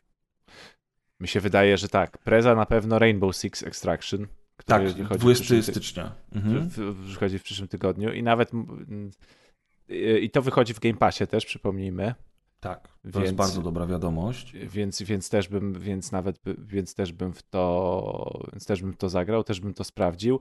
No takie rzeczy jak gry Sony, które wychodzą, czyli God of War, który wychodzi na PC, tak, że można będzie sobie sprawdzić, Mhm. e, no, to, no, no to nie są takie powiedzmy duże premiery, o których się mówi, no bo to jednak po prostu tytuł Sony trafia, e, trafia na PC, tak samo jak Monster Hunter wychodzi na PC, e, wysz, wyszedł już tak naprawdę, tak, wczoraj. Więc, więc to są takie gry, które, Yy, no, które nie są Amadeuszu? markami, tak? Amadeuszu, wujek. Grzesiu e, ma dla ciebie niespodziankę. E, jak a propos God of War'a, e, będziesz omawiał pecetową wersję na kolejnym odcinku, więc gratulacje Amadeuszu. Kurczę, to będę musiał Pan też wszystkie Sony? sprawdzić rzeczy, bo tam widziałem jakiś film, że tam Nvidia ma wprowadziła jakieś usprawnienia dla tych kart. Amadeusz jako posiadacz sobie- najmocniejszego PC będzie testował O dla nas. God of War na Także PC czekajcie, właśnie. właśnie sobie notuję. Musisz- Yy, na musisz- ilu częstotliwościach ramu chcecie, żebym to sprawdził? Mówcie, mówcie z jaką, jaką deltą mam się posuwać, tak? Na pewno tak. Yy, 3666 się kręci RAM, także na ilu chcecie? 366 Ja na bym przede 2000 wszystkim MHz chciał, mam sprawdzać, żebyś tak? y, do rzetelnej recenzji nadrobił poprzednie części, żebyś był na bieżąco. A to jest przecież God of War, jedynka. Jest napisane God of War. A, wybrnął z tego. Tusze. Maćku, musisz przyznać. Fuck. No i kochani, dobrze, przechodzimy do y, gry dzisiejszego odcinka, jedynej, którą mamy, za to bardzo udanej gry. Tak, to jest gra odcinka, jakby nie było. Słuchajcie, WRC 10 FIA World Rally Championship i Co? bardzo, du- bardzo duże zaskoczenie. WRC 10, będziemy się trzymali tej nazwy WRC 10. Amadeusz, swego czasu chwaliłeś bodajże ósemkę. Tak, ja w ogóle tą serię bardzo lubię od dwóch edycji. Trzech. Tak, a, a, ja się, a ja się niestety wtedy odbiłem, ale ponieważ tak za mną te rajdy chodziły i chodziły i chodziły, to jak Maciek siedział u mnie i ja się strasznie nudziłem w jego towarzystwie, postanowiłem coś zagrać, to stwierdziłem, że wezmę na promocji to WRC 10, bo było przecenione o połowę na Xboxie w wersji dla Series X. Przytuliłem tę grę, usiadłem do niej i ostatni wieczór wspólny, który mieliśmy w ramach świąteczno-sylwestrowego urlopu, spędziliśmy właśnie przed WRC 10 i o wow! Jak ja się w to wciągnąłem, ile myśmy mieli fajnych rozkminek z Maćkiem, jak w to graliśmy, ile nam przyszło w ogóle wspomnień tego typu gier, plus w ogóle naprawdę niesamowitym zaskoczeniem jest sama gra w WRC 10. Ja od czasu, jak ją odpaliliśmy, prawie że codziennie gram tylko i wyłącznie w nią, eksploruję co mogę, uczę się i po prostu chłonę tę grę. To jest taka fajna gra, że gdybym ja miał dzisiaj, dzisiaj miałby wybrać trzy najlepsze gry z zeszłego roku, to na pewno znalazłaby się ona w mojej topce. I teraz ja nie wiem od czego nawet zacząć, Maciek. Od grafiki. A wiedziałem, że to powiesz. Słuchajcie, bo e, dobrze, zacznijmy od grafiki. E, To jest gra w wersji na XSX i ona ma trzy tryby. Tryb e, full quality, który cho- chodzi prawie że wcale. Tam nawet nie ma 24 filmowych klatek, więc pominiemy w ogóle ten tryb, okropnie działa. Następnie tryb 60 klatek, który nazywa się Balanced i on wygląda ok. Jest też tryb 120 klatek, który wygląda brzydko. Maciek stwierdził, że ta gra w ogóle na każdym ustawieniu wygląda brzydko. Tak. Ja rozumiem, czemu Maćku tak stwierdziłeś. Ja sobie porobiłem porównania, zainstalowałem Dirt Rally 2.0, e, zobaczyłem tam grafikę, sprawdziliśmy wspólnie grę Dirt 4, obejrzeliśmy gameplay z innych rajdówek, one oczywiście są starsze, więc ciężko to porównywać. Natomiast rzeczywiście obiekty w tej grze może nie są super dobrze zrobione, zwłaszcza w trybie 120 klatek nie wygląda to za dobrze, kiedy cienie na jezdni się przed nami e, rysują, czego dawno już nie widziałem w żadnej grze na współczesnych konsolach, a kiedy te obiekty typu drzewa albo skały to wyglądają po prostu jakby były wycięte z papieru albo z kartonu, rzeczywiście Maćkowi to rzuciło się w oczy. oświetlenie jest jakieś takie fatalne. Zupełnie nie ma miękkiego światła, są ciemne cienie, wszystko jest, cała reszta jest oświetlona takim płaskim światłem i w ogóle wiesz, no wiadomo, że to nie fair stawiać to koło Forzy, ale no to są dwie gry wyścigowe, które wyszły w tym samym roku i widać, jakie są technologie oświetlenia w Forzie, a widać tutaj to. To naprawdę wygląda. Ja aż się zdziwiłem, bo myślałem, że coś się nie tak włączyło, nie? Że może ten tryb rzeczywiście 120 klatek jest taki brzydki i on rzeczywiście jest najbrzydszy, ale jest najpłynniejszy i to jest duża zaleta. Ale te lepsze tryby wcale nie są o wiele lepsze. Tam trochę więcej się cieni wyświetla, trochę, trochę właśnie mniejszy jest ten pop-up obiektów, ale to nie jest tak, że o, teraz to dobrze wygląda. Więc jak właśnie graliśmy, to stwierdziliśmy, że już lepiej grać w tym najbrzydszym, najpłynniejszym, bo te ładniejsze są niewiele ładniejsze. Dobra, a, ale mam pytanie. A czy jak Press grał, to ty Maciek nie zwracasz uwagi na grafikę, a Press po prostu się poci, żeby się w tej wąskiej dróżce przez las, przez którą No, leci skupić, że jak- jedzie, bo jak to jest nie, ten... bo, no dobra, no sorry. Jak mówcie. Press mi potem powiedział, jak już od niego wyjechałem, że on cały czas w tą grę gra i że mu się podoba i że się wkręcił, to stwierdziłem, że, że prawdą jest stwierdzenie, że grafika w grze nie ma znaczenia, bo poza tą grafiką, z tego co ja widziałem, to w tej grze jest mnóstwo fajnych rzeczy, no tylko, że jest paskudna, ale jak widać rzeczywiście, no ta grafika nie ma znaczenia, bo można się świetnie bawić z brzydką grą. I tutaj na obronę powiem, bo Amadeusz masz rację, może ja faktycznie się zbyt skupiałem na gameplayu, ale specjalnie pograłem też kilka godzin e, w trybie 60 klatek, w tym trybie, który ma być takim balanced. I po pierwsze, obiekty są bardziej szczegółowe, mają więcej cieni, dzieje się więcej takich rzeczy z efektami cząsteczkowymi na, na planszy, jak na przykład spadające liście z drzew, jakieś drobinki kurzu i pyłu. Zupełnie inaczej, ja zawsze gram, pra- prawie zawsze gram z wewnątrz, y, z kokpitu, zupełnie inaczej wygląda na przykład cała szyba, bo rozmazuje się na niej kurz, jeżeli tylko włączysz na chwilę wycieraczkę i maźniesz nią raz, to rozmarzesz to, tego myśmy nie widzieli Macie grając w 120 klatkach, rozmarzesz to sobie, będziesz miał smugę na szybie, więc musisz przypilnować, żeby chociaż dwa razy ta wycieraczka machnęła. A wycieraczki się ręcznie włącza, to jest fajne. Tak, na wycieraczki włącza się ręcznie, tak samo światła. Gra stara się być symulacyjna, chociaż nie jest to poziom symulacji fizyki jazdy Dirt Rally 2.0. Tutaj Dirt Rally 2.0 pozostaje królem. Natomiast WRC 10 ma całą masę innych zalet. Ale jeszcze chwilę przy tej grafice. Mm, Jak jedziesz w tym trybie 60 klatek, to przede wszystkim te cienie już się nie rysują. Jakieś obiekty gdzieś tam daleko, bardzo czasem się zarysują, ale to tak jak Deusz już zauważył, zauważył jesteś zbyt sk- skupiony na jeździe, żeby na to zwracać uwagę. Plus na przykład w kokpicie w trybie 60 klatek dzieje się dużo więcej efektów świetlnych i cieni. Cały czas po twoim e, desce rozdzielczej, po twojej kierownicy, po twoich rękach, po szybie różne cienie się, e, się, się, się dzieją, ruszają i tak dalej. To światło, masz rację, to nie jest takie miękkie światło, do którego przy, przyzwyczaiły nas współczesne gry. Ale co ciekawe, jak odpaliłem Dirt Rally 2.0 w trybie 4K 60 klatek na Xboxie, to on, okej, on jest tam trochę młodszy, starszy, przepraszam, bo on, on ma dwa lata e, więcej, ale on jest taki troszkę bardziej plastyczny, troszkę taki bardziej pastelowy, ale to nie jest tak, że WRC 10 jest brzydsze. Po prostu Dirt Rally ma mniej realistyczną grafikę, WRC 10 ma bardzo realistyczną grafikę, jeżeli chodzi, wiesz, o design tej grafiki. Przez co rzeczywiście widać różnicę w budżecie, natomiast to, jak te mapy są odwzorowane, ile tam jest obiektów, szczegółów i różnorodności tych obiektów, rekompensuje wszelakie wszelakie braki w grafice. Bo jak odpalisz dzisiaj Dirt Rally 2.0, które przypominam, też było na licencji FIA i miało odwzorowanie podobno prawdziwych tras, między innymi była Polska, bo wtedy Polska była w rajdach też jeszcze w mistrzostwach, to wszystkie te mapy wydają się zajebiście generyczne. Wydaje ci się, że okej, teraz jestem, e, teraz jestem na pustyni, teraz jadę sobie e, w Szwecji, czy tam, czy tam w Monte Carlo, teraz jadę przez pola w Polsce, ale te wszystkie trasy są takie. Wiecie o co mi chodzi? Jest w tle jakiś wielki las, są jakieś domki, są jakieś krzaki, są jakieś pola, ale to się wszystko wydaje bardzo generyczne. WRC 10 ma tak odwzorowane trasy, że czuć, że to są prawdziwe, realne miejsca, które ktoś wziął i, i, i przepisał do komputerka. Że tam każdy zakręt, każde pobocze, każdy domek, każde miejsce jest naturalnym miejscem, które istnieje, bo chciałem powiedzieć mogłoby istnieć, ale które istnieje rzeczywiście w przybliżeniu na tej trasie. I grając w WRC 10 ma się wrażenie, że jedzie się w prawdziwych rajdach. Pamiętasz tam te, te jakieś takie prze, przejazd przez małą wioseczkę i nagle musisz przejechać między budynkami, potem jakiś tunel, a za chwilę się zmienia trasa i w ogóle wjeżdżasz do lasu. Mm, Pobocze jest, y, z prawej strony jest zniszczone, z lewej strony nie. Pobocze jest jest tak. Co? Pobocze, jest lawą. Pobocze jest lawą, zawsze w rajdach Zawsze, pobocze jest lawą, ale jakby ja jestem zachwycony szczegółowością i odzorowaniem tych tras. Żadne rajdy, a przecież wiecie, że ja gram w rajdy jako amator od zawsze, tylko gram po prostu na easy czy coś. I na padzie. i napadzie. Y, żadne rajdy nigdy nie miały tak zachwycająco odwzorowanych tras, jak są tutaj. Naprawdę. I ja jestem pełen podziwu do tego, co oni zrobili w tej grze.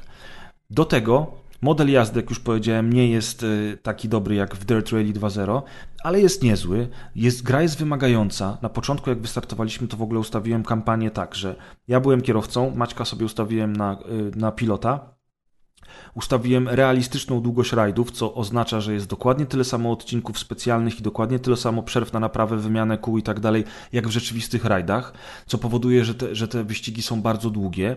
Do tego ustawiłem realistyczne zniszczenia, brak resetu, więc jeżeli dasz dupy, to dasz dupy e, i perma y, kraksę, to znaczy, jeżeli przywalisz w drzewo z pełną prędkością w trakcie rajdów, odpadasz z tych rajdów i nie ma resetu. I to jest ekstra, bo to powoduje niesamowitą imersję. Pierwsze rajdy, które jechaliśmy razem z Maćkiem, mieliśmy ustawione na 75, czyli połowę jakoś mniej więcej, bo 50 to jest najłatwiejsze, 75, potem jakoś tam, no, graliśmy na środkowym ustawieniu trudności i ja nie byłem w stanie dojechać wyżej niż na szóstym, piątym miejscu. Y, okazało się, a, okazało się że, że, że muszę się przyłożyć do tej jazdy. W ogóle mnie to nie zniechęciło, wręcz przeciwnie. Mm, potem przestawiłem sobie na najłatwiejszy poziom. Okazało się, że po tych pierwszych rajdach, ponieważ tam było bardzo dużo odcinków, nauczyłem się już to wreszcie jeździć, to e, że jest za łatwo, więc teraz wróciłem do ustawienia 70, czyli 5 punktów mniej niż mieliśmy z Maćkiem na początku, kiedy zaczynałem karierę i jeździ mi się świetnie. Wiem, że już po kolejnych rajdach ustawię sobie 75, a potem będę, będę jechał wyżej. Imersja jest niesamowita, a do tego wchodzi całe to zarządzanie, o którym Deusz opowiadał już przy okazji ósemki. Pamiętasz, Deusz? Całe zarządzanie drużyną rajdową. Tak, to i właśnie tutaj było to pytanie, bo ono ci też w sensie, może o tyle zarządzanie ci nie pasowało, co te systemy rozwoju RPGowy. postaci, tak, tak, tak. Tak. Tutaj nie zauważyłem już takich, e, takich perków jak to, że wychodzisz z poślizgu e, szybciej, bo masz 15% więcej do mokrych powierzchni. Takich elementów nie zauważyłem, ale one mogą być, bo ja rozbudowywuję tylko dwa drzewka z czterech, które w grze są. Mm, natomiast są takie elementy jak e, lepszy pan od prognozy pogody. I dzięki temu, jeżeli pan od prognozy pogody ma jeden level tylko, to jest w stanie przewidzieć tylko jedną z trzech faz w trakcie rajdu, jaka będzie pogoda. A jak już wylewelowałem pana od prognozy pogody do drugiego levelu, to on od razu przepowiada mi, jak, jaka pogoda będzie nie tylko w pierwszej części, ale też w drugiej części rajdu. I tak dalej. No i to Wiecie, jest fajne, to jest świetny system podejścia. Świetny. Bo dalej wyścig zależy tylko od ciebie, od twoich zdolności manualnych. Nie? Tak. I cała ta, całe to planowanie kalendarza, że tu robisz odpoczynek, tu robisz y, szkolenie dla zespołu, żeby morale ci wzrosło, zadania od zespołu, dla którego jeździsz, y, cały, cały system tego, bo ja się nie bawię w telemetrię ani w ustawianie samochodu, absolutnie się na tym nie znam, natomiast cały system tego, że że dobierasz sobie tam ilość opon, że opony miękkie, opony twarde, że musisz się wymieniać pomiędzy rajdami, że masz czas na te naprawy, płacisz kary, dostajesz pieniądze za, za rajdy, ale pod koniec rajdów przychodzi e-mail i mówi ci, że 16 tysięcy dolarów wyniosły cię naprawy w tych wyścigach, więc musisz to zapłacić, plus właśnie kupowanie tych wszystkich specjalistów, bo tam jest nie tylko specjalista od pogody, jest jeszcze mechanik, jest jeszcze trener, jest jeszcze jakiś tam fizjoterapeuta, bardzo, bardzo przyjemna kariera. Naprawdę. E, wciąga jak bagno, ale nie musisz grać wcale w takim trybie. Jest druga kampania, która polega tylko i wyłącznie na wyścigach i od, masz tak samo sezony, rajdy, różne kraje, po których jeździsz, punktacje i czasówki, ale zupełnie nie musisz się e, przejmować zarządzaniem drużyną, co jest super, bo to jest zawsze jakaś opcja dla ludzi, którzy nie będą zainteresowani taką kampanią. No. A dla ludzi, którzy chcą być jeszcze bardziej hardkorowi w zarządzaniu kampanią, tak jak Deusz, nie wiem, Deusz, czy to było w poprzednich częściach, ale tutaj, jak dojdziesz do WRC 3, do którego doszedłem dzisiaj, to y, pojawia się informacja, że po ukończeniu pierwszych rajdów WRC 3 będziesz mógł nie tylko wybrać sobie y, sponsora, czy tam zespół, dla którego chcesz jeździć, ale będziesz mógł założyć swój prywatny, własny zespół, który ma jeszcze więcej opcji zarządzania całą karierą. Jest taka to, ilość to zajebistych pamiętam, rzeczy. ale chyba było, było, było własnego zespołu robienie. Także, także wiecie, tam jest kupa rzeczy. A w ogóle chciałem się pochwalić, Maćku, przede wszystkim tobie. Ukończyłem cały pierwszy sezon rajdowy, ten, który zaczynaliśmy wspólnie, na realistic długości rajdów, czyli wszystkie mistrzostwa przejechałem dokładnie tak, jak się przejeżdża w rzeczywistości, ze wszystkimi odcinkami specjalnymi i tak dalej. I otrzymałem za to achievement, że przejedź cały sezon na długości rajdów Realistic i byłem jedną z 2,4% graczy, którzy ukończyli w ten sposób A, jakikolwiek sezon. Fuck yeah. Przepraszam, Fuck mam yeah. nadzieję, że się nie wyłączyłem, już o tym opowiadałeś, ale czy w sezonie oprócz rajdów masz też te elementy typu przejedź yy, samochodem zabytkowym albo przejedź dany etap w bardzo trudnych warunkach pogodowych? Nie wyłączyłeś się, dziękuję, że mi, dziękuję, że mi przypomniałeś. Tak, to wszystko jest. I przejedź właśnie samochodem od jakiejś tam firmy, która daje ci testowanie tego samochodu. Tak, bo to był duży, duży procent tych Tak. ra- rajdo wyzwań, które masz w sezonie, prawda? Tak. Do reali- I możesz też je sobie dobierać, bo możesz wybrać, na przykład będziesz teraz chciał jechać w tak zwanych ekstremalnych warunkach, kiedy dostajesz zniszczony samochód. Tak, to było moje Eee, ulubione chyba w ogóle wyzwanie. w Tak, jest. Kompletna noc, pada, Pada, deszcz. tak, tak, Tak, nic nie a widzisz, a musisz- jeszcze masz auto, które jest rozwalone. Tak, i, I musisz w przejechać lewo. w danym, w, w danym czasie cały, cały, cały odcinek, to też jest oczywiście, ale jest też inna rzecz, która jest rewelacyjna. Ty, ale to już jest dla hardkorów, ponieważ jest 50-lecie istnienia WRC, teraz w roku 2022 mija 50 lat, to dodano tak zwane e, wydarzenia na 50-lecie i te wydarzenia można też w kalendarzu sobie wybrać i jeździć tak zwane historyczne rajdy, w których musisz osiągnąć co najmniej ten czas, który osiągnęli rzeczywiście, kiero- rzeczywiście kierowcy w tym rzeczywistym aucie, na tym rzeczywistym odcinku w danym roku, na przykład w 77. I to jest bardzo trudne. Y, Udało mi się raz do tej pory osiągnąć taki ten. Tutaj nie, y, poziom trudności nie ma nic do rzeczy. Tutaj te czasówki się nie zmieniają. A możesz też olać zupełnie kampanię, wejść w tryb 50-lecia, a przed tobą otwiera się kampania zaczynająca się od 70 któregoś roku, czyli od początku WRC aż do teraz, wszystkich ważnych, historycznych czyli, czyli, rajdów. Ty, czyli, czyli tam są też te zabytkowe jakieś auta, jakoś Wszystko Subaru jest. Impreza stara i tak dalej? Wszystko jest stary. Tam, jest, tam są wszystkie, Ja. wszystkie kategorie, wszystkie klasy od 50 lat, tory od 50 lat, tylko że to już jest zajebiście trudne, bo tam musisz przejechać co najmniej tak, jak przejechał dany kierowca w danym roku na danej trasie, albo, albo prze, przepadasz. Jeżeli tego nie przejedziesz, to nie odblokuje ci się mi to kolejny. dopiero teraz powiedziałeś? Stary, ja, ja jestem rozjebany, ile tam jest rzeczy w tej grze. A jeszcze jest multiplayer, są leaderboardsy, są quick race'y i najważniejsza rzecz, nie wiem czy to było w poprzednich częściach, ale jest crossplay, a w crossplayu można grać tak, że jeden gracz jest kierowcą, a drugi jest pilotem na trasie i mówi mu, rozumiesz? No po prostu tam jest taka ilość opcji, że ja, ja, ja się czuję jak dziecko w sklepie z zabawkami i co chwilę odkrywam coś nowego. Niesamowita gra. Bardzo, bardzo dużo zawartości. I możesz ją dostać chyba dalej w promocji, jeżeli chodzi o Xboxa, ale wiem też, że na PC można dostać ją w promocji też o połowę przecenioną, albo przynajmniej można było do niedawna, bo tego samego dnia, jak, przyjechał, jak wyjechał Maciek, to przyjechał do mnie mój kuzyn. E, graliśmy razem w to, ponieważ ja powiedziałem sobie, musisz przyjechać, musisz mnie nauczyć grać, bo on jest mega w ogóle e, rajdowcem, tam uwielbia rajdówki, bawi się w to wszystko, kierownice, nie kierownice i tak dalej. Ma też prawo jazdy, uwaga, ma prawo jazdy, No, więc jest autorytetem. I, on mówi, dobra, ale zaczniemy od Dirt Rally 2.0, e, a potem przejdziemy do tej gry, bo ja chcę tam zobaczyć, jak u Ciebie to na 4K w 60 klatkach będzie wyglądało. Zainstalowaliśmy e, Dirt Rally 2.0, on przyjechał w ogóle z rozpiską ustawień, które ma w domu, przestawił mi wszystko, co się dało, e, jeżeli chodzi o czułość sterowania, czułość hamowania, wszystko. I w ogóle jestem rozjebany, bo teraz Dirt Rally 2.0, zwłaszcza po tylu godzinach w WRC 10 jest dla mnie dużo łatwiejsze niż było kilka lat temu, ale może to kwestia tych ustawień, które on mi zapisał. No i on ruszył, pojechał, raz, się, raz, raz tam przywalił, drugi raz przywalił, mówi, kurczę, za ostro jechałem, ja mówię, no teraz ja pojadę, on oczywiście jedzie na manualnej, więc ja mówię, to ja też teraz pojadę na manualnej. E, No i pojechałem to Dirt Rally 2.0, ten, ten sam odcinek na manualnej, na tych samych ustawieniach, przejechałem go super, mówię, zobacz, ani jednego draśnięcia w ogóle. E, i przejechałem go tam w 5 minut z kawałkiem, mówi, dobra, to teraz ja jadę, on wyruszył, przejechał. Raz czy dwa razy jakąś bandę y, tam drasnął, ale dojechał o minutę szybciej ode mnie i mówi do mnie, widzisz, bardzo ładnie jechałeś Grzesiu, ale jechałeś z taką prędkością, z jaką to się jeździ po mieście, a nie w rajdach, więc bardzo długo się śmialiśmy. Jeszcze jak go zakopywałem w ogródku za domem, to dalej się śmiałem pod nosem Ale trochę. pamiętasz, jak, jak ja jeszcze byłem i graliśmy, to ja też się dziwiłem, że tak powoli jakoś jedziesz. Wiem, że w Ale specjalnie nagrałem, na maksa. tak, no i dlatego miałem takie słabe miejsca. A jak już się nauczyłem jeździć, wyczułem ten samochód, to specjalnie nagrałem dla ciebie nawet parę odcinków takich ki- kilkunastosekundowych, jak zapierdalam teraz, Maćku. A, Byłbyś ze mnie źle, dumny. bo właśnie chciałem powiedzieć, że może to dobrze dla twojej przyszłej kariery kierowcy, że Rajdowca. taki jesteś spokojny kierowca, a Nie, nie, się, oczywiście, że nie. wiesz, życie, a gry to jest zupełnie co innego. Natomiast nauczyłem Tak. się w tego grać, podniosłem poziom trudności, bawię się fenomenalnie i co chwilę odkrywam coś nowego w tej grze.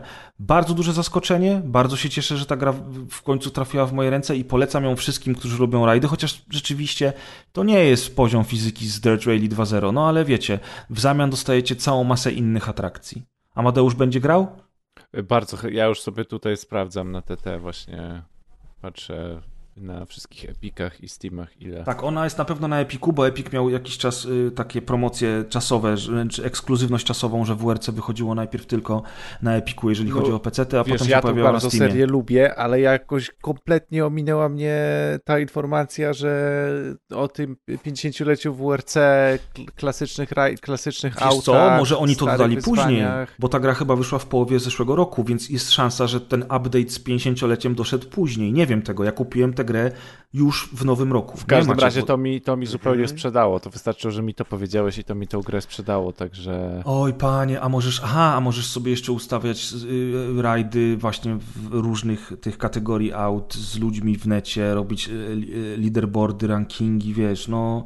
Tylko, że widać po leaderboardach, bo ja przejechałem parę odcinków specjalnie z tych takich daily challenges, bo tam są daily i weekly challenges w ogóle, żeby dostać się przez menu główne do nich, znaleźć się to jest trochę przeprawa i uważam akurat, że menu główne jest bardzo źle rozpisane i bardzo niewygodne, bardzo nieintuicyjne ale pojechałem mm, dwa czy trzy wyścigi właśnie w ten sposób i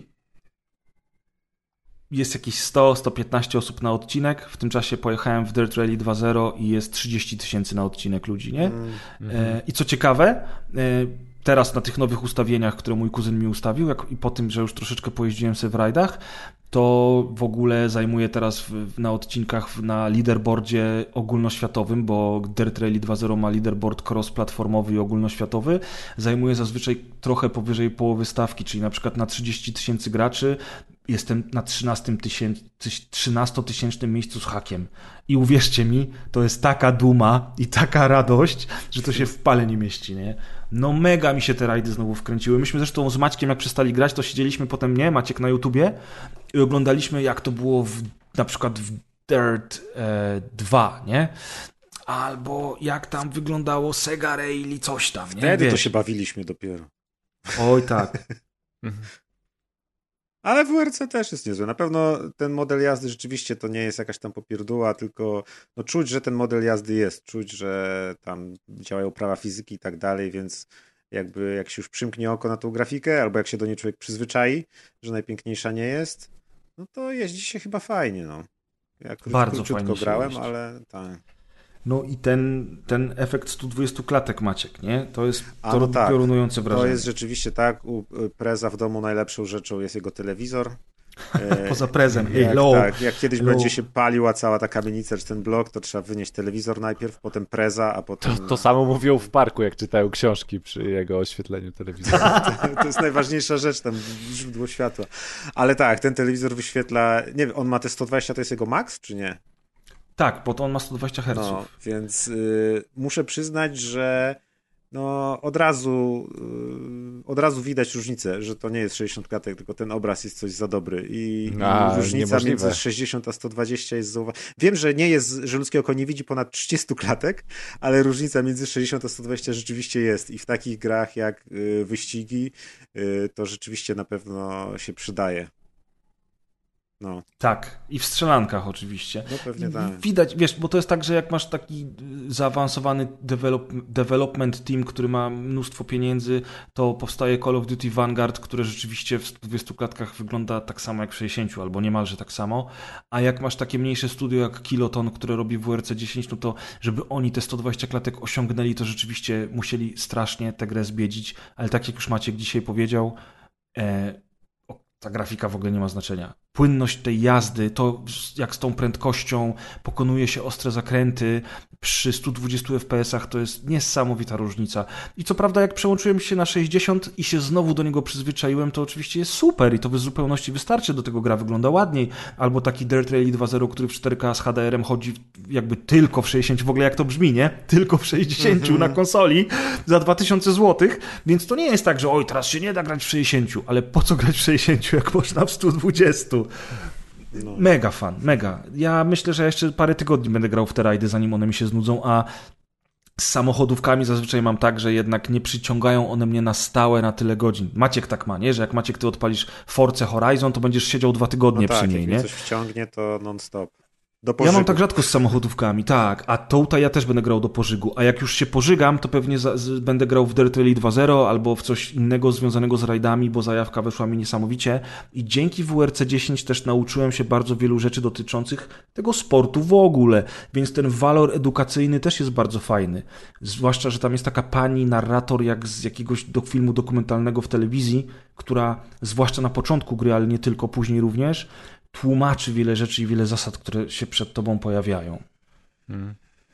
Kurde, Nie? Tak chyba zawsze było. ale mnie namówiłeś. w takim No, razie. słyszę to twoje takie... Mm. Kurde, muszę Ale mam dla ciebie-. No nie, a najgorsze jest to, że wiecie, że ja też e, lubiłem to WRC w ogóle tak, i, i, i, czy- czy, czy Force, czy, czy właśnie takie samochodowe gry, bo to są gry, że jak już byś poszedł spać, ale jeszcze nie, to to jest gra, że może wskoczyć na parę minut, pojechać Tak, jeden tak. rajd, albo nawet go nie przejechać, ale sobie popróbować, nie wiem, czasówkę zrobić, coś przejechać szybciej, nowe auto wypróbować. Nie musisz się skupiać na fabule, odpalasz to chwila, moment ci zajmuje odpalenie. I, i, i- to jest też po prostu dobry gatunek gier, żeby w sobie szybko wskoczyć, szybko wyskoczyć z takiej gry w miarę. Tak jest, absolutnie. I tylko wiadomo, że oszukujesz siebie, mnie i słuchaczy, jak mówisz, że chwilę przed snem odpalę tylko jeden wyścig i idę spać, nie? A potem jedziesz, jedziesz. Jedziesz. E, No to jeszcze jeden odcinek specjalny. Tylko dwa odcinki specjalne do końca rajdów? No to pojadę, no. I tak wiesz. I tak mi się nie chce spać. No. Także tak. I chyba wszyscy polecamy. Jak słyszycie, nawet Deusz, który jeszcze nie grał, poleca również, więc... Nawet Więc- Maciek, który grał chwilę. Który grał No no, ale no to jest gra odcinka, no bez dwóch zdań. Nie, nie Dokładnie. mamy czego innego polecić w tym odcinku, Nie, dlatego... To jest najlepsza z gier w tym odcinku. Tak, WRC 10. Ja chciałem, e, ja chciałem tylko powiedzieć, Amadeusz, że w dziale kulturki będzie bardzo spoilerowo dzisiaj. I nie tylko Tak? mówię to tobie, ale tak, ale mówię to również, e, również e, słuchaczom naszym, bo ja uważam, że ani Nightmass, ani Resident Evil bez spoilerów nie ma sensu opowiada, omawiać. Więc y, nie, nie mówię, żebyś sobie poszedł, ale jeżeli boisz Ale się spoilerów, przynajmniej. to ostrzegam. E, No a na początku Maciek powie krótko o Squid Game i o Don't Look Up, więc Tak jest, tu, tutaj będzie akurat bez spoilerów. Kiedy byłem we Wrzeszczu i y, pres się w ogóle mną nie zajmował, tylko coś tam robił innego, to musiałem sobie jakoś czas zająć. A byłem w tym Wrzeszczu chyba z 6 miesięcy. Więc y, siadłem przed tym jego gigantycznym telewizorem i postanowiłem sprawdzić y, Squid Game i Don't Look Up, ponieważ są to dwa tytuły, o których słyszałem mnóstwo informacji, jak to cała Polska się nie zachwyca i że Polacy wszyscy kochają, cała Polska ogląda, numer jeden A że gardzisz całą Polską? A musisz po całą Polską gardzę? Czym, czym gardzisz? Ale mimo wszystko tak, postanowiłem stwierdzić, ten Squid Game mnie przyciągnął, bo no ta estetyka coś mi się podobała po zwiastunie, że to ciekawe, jakieś tam ludzie muszą grać w jakieś dziecięce gry, dziwne kolory, typy w maskach i myślę, a, sprawdzę. No i nie, nie będę tutaj za dużo gadać, ale yy, ogólnie muszę chyba docenić gust Polaków albo, albo wszystkich przeprosić Najgorzej. albo coś, bo okazało się, że zarówno Squid Game, jak i Don't Look Up były naprawdę dobre. Y, Don't Look Up pokazał się całkiem po prostu fajną tragikomedią, a Squid Game okazał się czymś bardzo przewrotnym, co zaczyna się y, trochę inaczej i przez pierwsze odcinki ogląda się to tak, eh, a potem nagle dzieją się, cały czas tam się dzieją rzeczy, ale, ale pamiętam, że ten serial, serial ma chyba z 10 odcinków i właśnie tak w połowie koło piątego już był taki odcinek, że ja miałem y, gulę w gardle i tak myślę, "Ugh, ojej, grubo, co tu będzie dalej? I, i, I pod koniec doszedłem do wniosku, przypomniało mi się po prostu, że to jest serial koreański. a e, ja tam parę, nie za dużo, ale kilka koreańskich rzeczy miałem i też jak Prezowi mówiłem, że na przykład pamiętasz takie koreańskie filmy jak I Saw, I Saw the Devil, to był? Mhm. Tak, i takie inne. Yy, I Prez wtedy powiedział, tak, kurwa, pamiętam, nie? Mhm. Fuck, co to był za film? I właśnie, mi się, Tak. właśnie mi się skojarzyło, że Koreańczycy po prostu kręcą inaczej i trzeba się przyzwyczaić do tego i yy, Europejczycy, może Europejczycy, Amerykanie na pewno nie są w stanie nakręcić takich rzeczy jak Koreańczycy, więc właśnie ten serial już później kończy się typowo po koreańsku, co bardzo też doceniłem, bardzo mi się to spodobało, więc naprawdę polecam i wszystkim, którzy gardzą Polakami i mówią, nie będę tego oglądać, bo to numer jeden w Polsce, to mówię, że naprawdę y, warto obejrzeć, bo to jest naprawdę Squid Game jest czymś bardzo dobrym. A, a widziałeś, yy, czy znasz fenomen Mr. Beasta na YouTubie? Nie. Yy, Mr. Beast to jest taki youtuber ze Stanów Zjednoczonych yy, z tego nowego, jakby, że tak powiem, pokolenia youtuberów, że Nawet wiesz, młodszy od kupujemy ciebie auto i roz... nie, nie, w sensie, że, kupu... że kręci filmy typu Aha. kupujemy auto i rozdajemy pierwszej osobie napotkanej. Aha, okej. Tylko, tylko on jest jakby największą osobą A, na YouTubie, która to robi, to więc on robi takie rzeczy typu troszkę. kupujemy dom i jeśli trafisz dobre klucze, no to dom jest twój, nie? Aha. Albo nie kupujemy auto, tylko kupujemy cały komis samochodowy i rozdajemy wszystkim osobom, które wejdą do komisu auta. No i polecam ci obejrzeć odcinek, który ma już ponad 200 milionów wyświetleń, ponieważ on e, zrobił e, Squid Game, od, odtworzył e, każdą miejscówkę ze Squid Game. Na odtworzenie tej miejscówki wydał więcej niż, e, niż kosztowało zrobienie Squid Game, ponieważ rzeczy, które są w serialu jako CGI, on zrobił naprawdę, w sensie Aha. wiesz, jak, jako, jako makietę. No i osoba do wygrania, tam 400, 456 osób brało udział w, tych, ty, w tym Squid Game i do wygrania właśnie było 456 Aha, tysięcy otworzył dolarów. na żywo takiego. wszystko, zasady, Tak, miejsce. Tak, odtworzył wszystko na żywo, tylko kosztowało to więcej niż Squid No Game. i pewnie nie umierają niestety ci ludzie. Tak, tak. Ale nie tak. można no mieć wszystkiego. Niestety. tak, i tak jak mówię, film ma miesiąc i ma ponad 200 milionów wyświetleń, także No, rzeczywiście, już tu sobie znalazłem, dodałem. A, a propos tego, że niestety nie umierają ludzie, to też doszliśmy z prezem do wniosku po krótkiej dyskusji i analizie, y, że Squid Game jest tak naprawdę filmem o Polsce i o Polakach, którzy zrobili Koreańczycy i może właśnie dlatego tak się Polakom spodobał, tylko może nie, tego nie zrozumieli, albo może zrozumieli, że tak naprawdę jak zaczęliśmy tam, bo Prez tak kątem oka kilka odcinków oglądał, ale był pijany, więc nie pamięta i teraz sobie od nowa obejrzy i doceni. Nie, nie, nie, właśnie nie mam ochoty, wiesz, ale znaczy do, doceniam jakby klimat i te koreańskie klimaty mnie bardzo kręcą, ale ten Squid Game już jakby tro, trochę widziałem końcówki, trochę tam widziałem, oglądałem po bok, bo, jednym okiem i też nawet jak nie byłem pijany, to generalnie rzecz biorąc jakoś, jakoś kurczę, nie wiem. Nie, doceniam to, ale nie, nie mam ochoty. Co innego z drugim serialem, o którym zaraz opowiemy, nie? Ale No tak.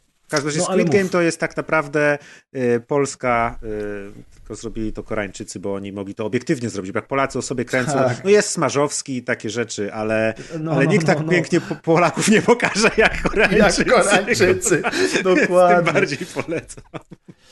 Tak. Y, Maciek poleca Squid Game, a my teraz przejdziemy do. Naprawdę, Amadeusz, nie chcę ci psuć tego, ale jak uważasz, nie? Bo uważam, że akurat Midnight Mass. Night Mass, nie, Midnight Mass to było. Midnight, Maciek, rzeczywiście, tu źle coś się pisało. To ja A Midnight Mass, czyli mówisz o tym horrorze, który jest dostępny na Tak. Netflixie. A to ja i tak tego nie obejrzę, także możesz spoilować. Dobrze. To kochani, przechodzimy do Midnight Mass, czyli Nocna Msza. y, Taki jest polski tytuł serialu, miniserialu na Netflixie. Miniserialu, który składa się z siedmiu odcinków, każdy około godziny. E, I będziemy bardzo spoilerowo mówić o tym, e, więc ostrzegam wszystkich, którzy nie chcą się. A to też może zaczniemy dowiedzieć. bezspoilerowo, żeby zachęcić ludzi, a potem spoilerowo. No tak krótko, co, co to jest? Bo ja na przykład No nie dobrze, wiedziałem no nic. ja dobrze. tylko widziałem y, plakat, który mi się podoba, bo był y, plakat jest taki rysowany, ilustracyjny. Tak jak stare plakaty do Indiana Jonesa, czy Gwiezdnych Wojen, czy tam coś w takim oldschoolowym stylu. Y, I to jest y, miniserial o y, wysepce rybackiej, na której jest y, kilkanaście domów, mieszkają ludzie, mała społeczność, y, społeczność bardzo wierząca. Y, I w pewnym momencie do, te, do tej ich wysepki, y, no, można powiedzieć, że odseparowanej od świata, bo tam dwa razy tylko prom dziennie przypływa. Y, Przypływa y, nowy ksiądz, młody ksiądz, który zastępuje y, starego księdza, który nie wiadomo czemu zniknął. Znaczy, ksiądz, stary ksiądz wyjechał na pielgrzymkę, którą zresztą ufundowała mu e, kościelna społeczność, na pielgrzymkę do Damaszku, czy też do, do Jerozolimy, żeby śladami Chrystusa tam się przejść przed końcem swojego żywota, ponieważ jest on już bardzo chory i y, z początkami demencji. Natomiast y, zamiast powrócić, powraca nowy ksiądz, który informuje społeczność, że stary owszem wrócił, ale jest w bardzo ciężkim stanie i został przez kurię przeniesiony do szpitala, więc dopóki stary lądzie. ksiądz, tak, na stałym lądzie, dopóki stary ksiądz y, nie dojdzie do siebie, to ten przysłany zastępca z kurii będzie tutaj się tą swoją trzutką zajmował. I od tego momentu powoli y, różne kupy uderzają w wiatraki. I się dzieją rzeczy i sprawy. Maciek fajnie to, fajnie to podsumował, jak mnie zachęcał do obejrzenia tego serialu, a mianowicie, że to jest taki e, Stephen King z najlepszych czasów Stephena Kinga, więc mamy małą, lokalną społeczność zamkniętą właśnie w jakimś takim małym obszarze, w tym wypadku jest to wysepka. Mamy lokalne problemy społeczności, lokalne postaci, które są bardzo charyzmatyczne lub też silne, niektóre są negatywne, inne pozytywne i będą one się ze sobą ścierać. I to wszystko rzeczywiście w- tutaj jest, do tego jest też wątek paranormalny, który bardzo ładnie współgra z całością, jest świetnie przemyślany i momentami ten, ten serial, zwłaszcza na początku, potrafi przestraszyć, bo ma kilka naprawdę zajebiście mocnych scen. Zajebiście mocnych scen, ale do tego ten serial jest przede wszystkim o ludziach, o życiu, porusza bardzo wiele wątków, porusza e, wątek, e, wątek mm, Boże, rodziny, miłości, e, wątek odkupienia win, wątek nałogu, wątek fanatyzmu religijnego i wiele innych wątków, które są tak bardzo życiowe, że gdyby wyciągnąć cały nadnaturalny mm, temat z tego filmu, to on nadal by się bronił. Tam jest też bardzo dużo bardzo dobrych dialogów, które naprawdę poruszają wiele kwestii i moim zdaniem to w ogóle jest największa siła tego serialu. Czy ty się ze mną zgadzasz, To Maćku? jest, y, ja gdzieś przeczytałem czy usłyszałem, że to jest najbardziej kingowy film czy serial, który z Kingiem nie ma absolutnie nic wspólnego, bo to nie jest Tak. na podstawie Kinga y, ani nic, King z tym nie ma nic wspólnego, a jednak klimat, jeśli ktoś lubi Kinga i te y, jakby motywy, które u Kinga się bardzo często przewijają, na których on bazuje właśnie, sposób pokazywania ludzkich relacji, sposób pokazania y, fanatyzmu religijnego i tak dalej, małe społeczności od, odseparowane i świrowanie ludzi, to jest mega typowo kingowe i z tym no, wali na taką odległość w pozytywnym sensie, że po prostu każdy fan Kinga się tutaj y, odnajdzie. Y, Połączenie y, tych wątków paranormalnych to jest właśnie jakby połączenie ty- ty- tych gatunków horroru z takim dramatem. I w, w tym wypadku jest to takie ciekawe połączenie, z którym ja się nigdzie wcześniej nie spotkałem. I bardzo, I bardzo mi się podoba sposób tego połączenia, bo to nie jest tylko taki, nie wiem, y, cho- połączenie w stylu wrzućmy tam potwora czy coś, tylko to, jak on dy- dyskutuje, jak rozwija tą sytuację, jak czerpie z tego. To nie jest tylko, że jest element nadnaturalny i uu, i strasznie. Tak, Tylko tak. On jest- buduje na tym, bo to tak naprawdę, jakby powiedzmy też, no to nie jest duży spoiler, w, w połowie tego serialu jakby dużo się już wyjaśnia i ja w połowie miałem tak, kurde, tak jakby już wszystko, był ten wielki cliffhanger i było wielkie jakieś różne tam rzeczy się dzieją. Ja powiem, to co będzie przez kolejne pięć odcinków? A okazało się, że on wtedy dopiero jeszcze bardziej się rozpędza i zaczyna grać tym wszystkim, mieszać i wtedy też powiem, wow, nigdy czegoś takiego nie widziałem, żeby tak fajnie wpro- wprowadzić takie elementy, pomieszać, zastanowić się nad tym, wyjść ze schematu, który jest we wszystkich innych takich horrorach czy coś, Tak. tylko coś zrobić zupełnie nie, niespodziewanego, czego wcześniej On nie widziałem. miesza, on miesza ze sobą interpretacje biblijne i biblijnych tekstów z y, ludowymi wierzeniami, takim folkiem trochę, czy też legendami, ale też w drobnym stopniu z nauką i medycyną i wyjaśnieniem tych spraw w sposób medyczny, co ogólnie naprawdę daje bardzo dobrą mieszankę. Ja co prawda jestem troszeczkę innego zdania niż Maciek, uważam, że z każdym kolejnym odcinkiem jest coraz gorzej, a finał w ogóle dla mnie był słaby, ale przez pierwsze cztery odcinki. Ale to prostu- też trochę jak u Kinga często, nie? Tak, to masz rację, Pomysł był lepszy Kinga. niż ostatecznie realizacja na końcu. Przez pierwsze cztery odcinki po prostu siedziałem jak zahipnotyzowany. Aha. Zresztą pierwsze cztery odcinki obejrzałem jednego wieczoru, czyli cztery godziny siedziałem i oglądałem, a drugiego wieczoru obejrzałem pozostałe trzy. E, I ogólnie uważam, że bardzo, bardzo warto ten, ten serial zobaczyć. Ma bardzo dużo zalet, ale niestety, Maćku, no, uważam, że te te ostatnie trzy odcinki to taki jest już niestety spadek formy. No, trzeba zawiesić niewiarę na, na wiele rzeczy. Jest to rzeczywiście takie. To nie jest serial jakby realistyczny. Trzeba do tego podejść jak, no jak do Kinga rzeczy, czyli że to jest trochę jak taki no, historia. No wiadomo, że to się nie wydarzyło naprawdę, nie? Trzeba jednak właśnie sobie zdać sprawę, że oglądasz teraz jakąś hi historię taką z dreszczykiem. A może nie będziemy spoilować? Ja zrobię w opisie, że jednak nie ma spoilerów, żeby ludzie sobie No, obejrzeli. Bo w sumie znaczy jest dużo ciekawych rzeczy, o których chętnie bym porozmawiał, ale to może Amadeusz się jednak przekona i obejrzy i wtedy... No, wielką Pogadamy. zaletą tego jest, że to jest tylko 7 odcinków po godzinę, naprawdę. I to ja też dlatego to zacząłem oglądać, bo gdyby to było, wiesz, już trzeci sezon zaraz nadchodzi, tak, po tak, 25 oczywiście. odcinków. Ja mówię, nie, dziękuję. A tu 7 odcinków do ścierpienia jak najbardziej. I jeszcze co do tych zalet, to trzeba sobie zdać sprawę, że to jest serial, w którym właśnie jest bardzo dużo tych y, dialogów, a nawet to są takie monologi. Y, Czy takie Mhm. rozmowy, gdzie na przykład masz scenę, gdzie dwie osoby siedzą na kanapie i rozmawiają. O, jak ja mam dużo zastrzeżeń do tej kanapy. tak? Powiem Ale zaraz, bo to mogę jest, ominąć spoilery. I, i, I rozmawiają, i jedna się drugiej pyta o jakieś takie pytanie egzystencjalne. I ona, i tamta wtedy w jednym ujęciu przez nie wiem ile minut, 3, 4, 5, mówi powoli swoje przemyślenia na tematy właśnie egzystencjalno-filozoficzne. I niektórym ludziom się to spodoba, ale rozumiem, że kogoś to może znudzić, bo tego jest naprawdę dużo. I trochę też tak jak właśnie u Kinga. Trzeba lubić, kiedy dwie osoby się spotykają i jedna drugą pyta, jak się teraz czujesz? A ona nie mówi dobrze, tylko zaczyna opowiadać. Przypomina mi się, jak wiesz, kiedyś mój ojciec zabierał mnie na pole i coś tam, to było męczące i coś tam, coś tam. I jest taka Ale- historia i musisz lubić słuchać takich historii, bo tego w tym serialu jest dużo. A nie miałeś, Maćku, wrażenia, że część tych dialogów była pisana, czy też monologów również była pisana przez jednych scenarzystów, a część przez drugich? Bo na przykład Nie. ta scena, jest, są dwie rozmowy głównych bohaterów na kanapie. Jedna jest w połowie serialu, druga jest na końcu serialu. I teraz e, to nie jest duży spoiler, bo to jest jeden z tysiąca tematów, który przewija się w tym serialu.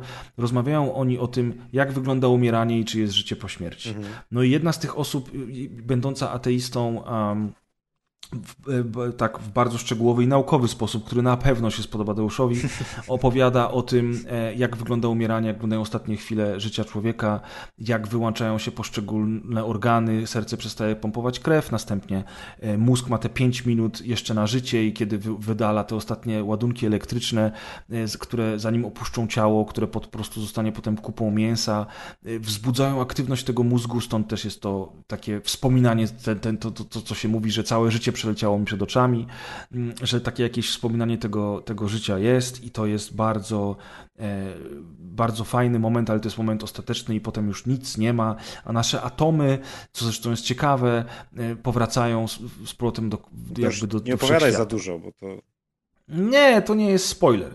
Natomiast druga osoba mówi, a po śmierci idziemy do nieba, tam jest nasza, cała nasza rodzina, Jezus kocha, śmiejemy, kocha, tańczymy, tak. tańczymy, miłość, miłość, Bóg. Ja sobie myślę, wow, nie? Ja mówię, wow. I potem na końcu jest, jest y, ta sama osoba, która mówiła, Bóg, Bóg, miłość, idziemy do nieba, wszyscy są szczęśliwi. Na końcu mm, o, trochę inną wizję przedstawia tego wszystkiego i ta wizja już jest dla mnie tak, tak przegadana bez sensu, napis- nie? Ja miałem takie wrażenie, okej, no jakby rozumiemy wszystko, już raz to w tym, w, sumie, w tym filmie to padło i teraz ten cały monolog na końcu jest dla mnie taki wow, co za bełkot w ogóle. Ja tego co monologu jakoś to jest właśnie za też bełkot. widziałem, że ludzie zwracają tu uwagę, ja już go nie pamiętam, powiem ci. Jakoś bardziej pamiętam te środkowe rzeczy, a na końcu już tyle rzeczy się działo, że pamiętam moment, kiedy ten monolog następował, ale już nie pamiętam, co ona tam mówiła, więc...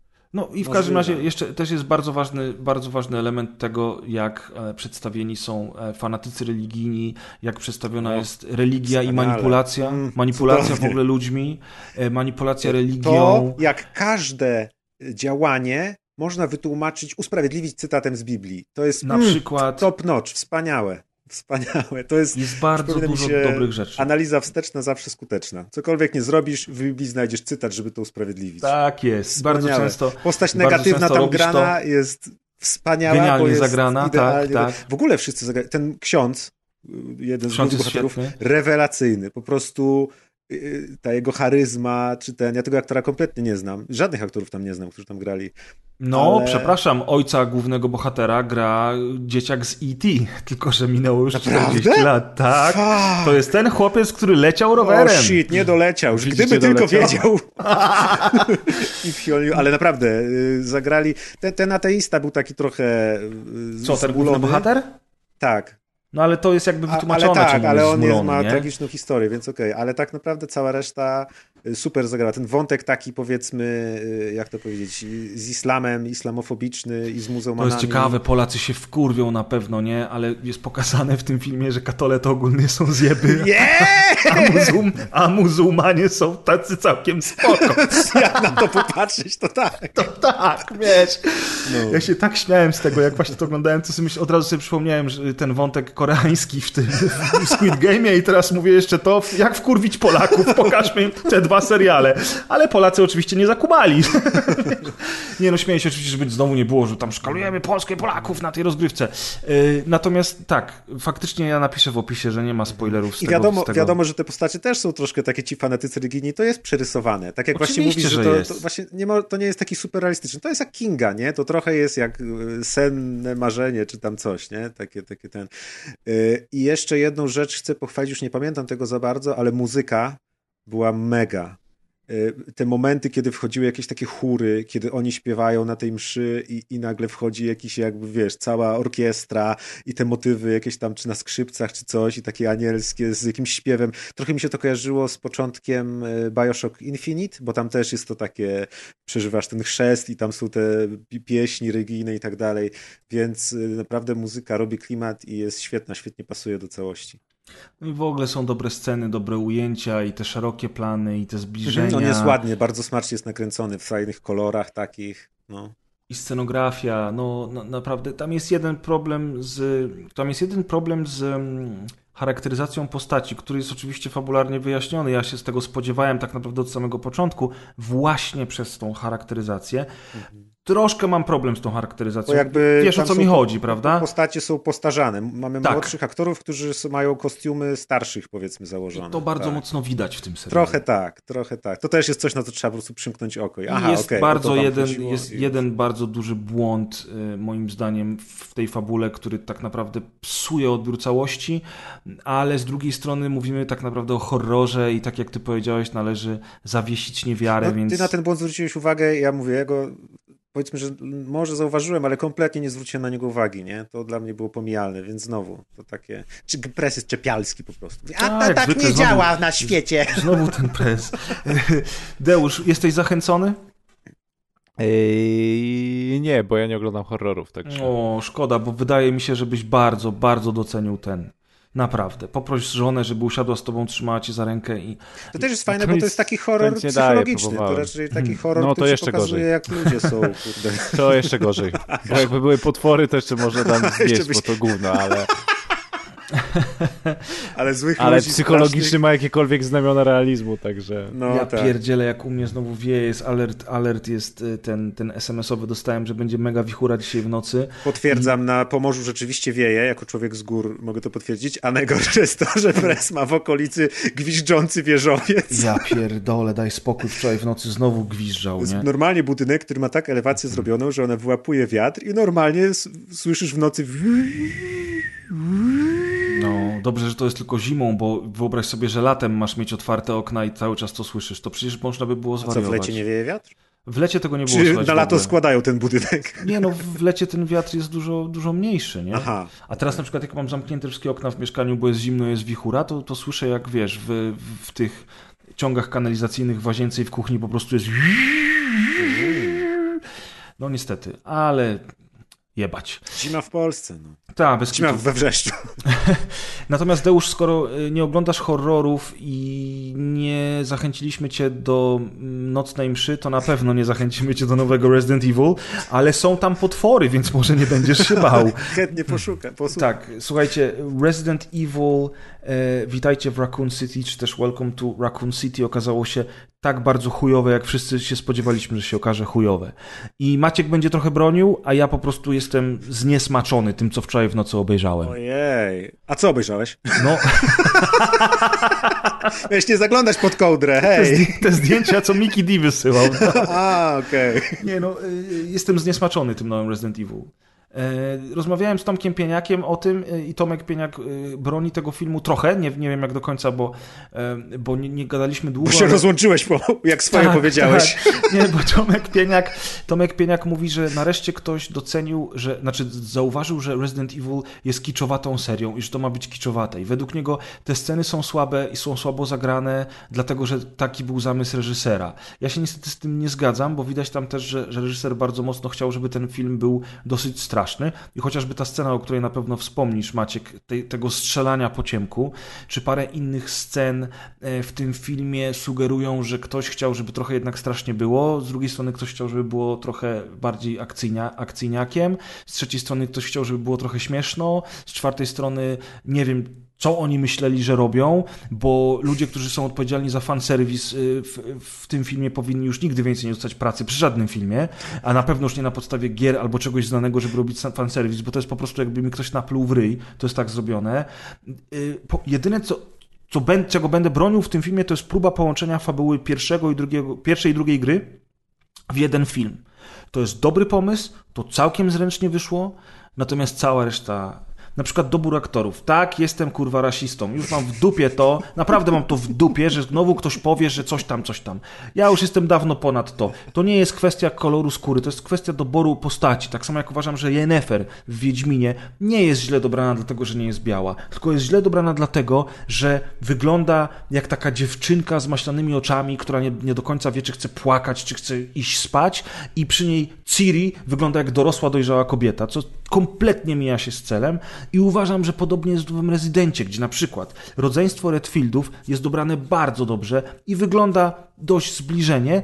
Tymczasem Leon jest, nie wiem, czy Hindusem, czy Arabem, ma ciemne włosy i wygląda jak, jak, jak, jak jakiś studenciak. Już pomijam fakt, że jego postać jest przerobiona na taki komedyjno, fa- fajt, fajtłapowaty styl. Z maksymalnym sierotą, maksymalnie. Tak, albo Jill, która, Jill Valentine, która, która jest czarnoskóra i znowu, ja nie mam z tym problemu, że ona jest czarnoskóra, tylko że jeżeli od 20 lat jesteśmy przyzwyczajeni do tych postaci i one się oczywiście trochę w tych grach zmieniały, to chociaż spróbujmy przede wszystkim zachować w, mie- w mniej więcej zbliżony wygląd, ale przede wszystkim charakter tych postaci. A tutaj te postaci nie mają takiego charakteru. Okej, Resident Evil nigdy nie był e, super wybitną historią, bo nie był, ale kurwa, może jeżeli, jeżeli chcecie robić rzeczy po swojemu, to może po prostu róbcie inne historie w tym uniwersum. Nie każcie nam jeszcze po raz kolejny przeżywać tej samej historii z jedynki, ale wy wiecie lepiej, jak to zrobicie i pierdolicie wszystko, co się dało spierdolić w tym filmie. Naprawdę. Nie dość, że to nie jest śmieszne, to jeszcze nie jest w ogóle absorbujące. Efekty specjalne są gówniane,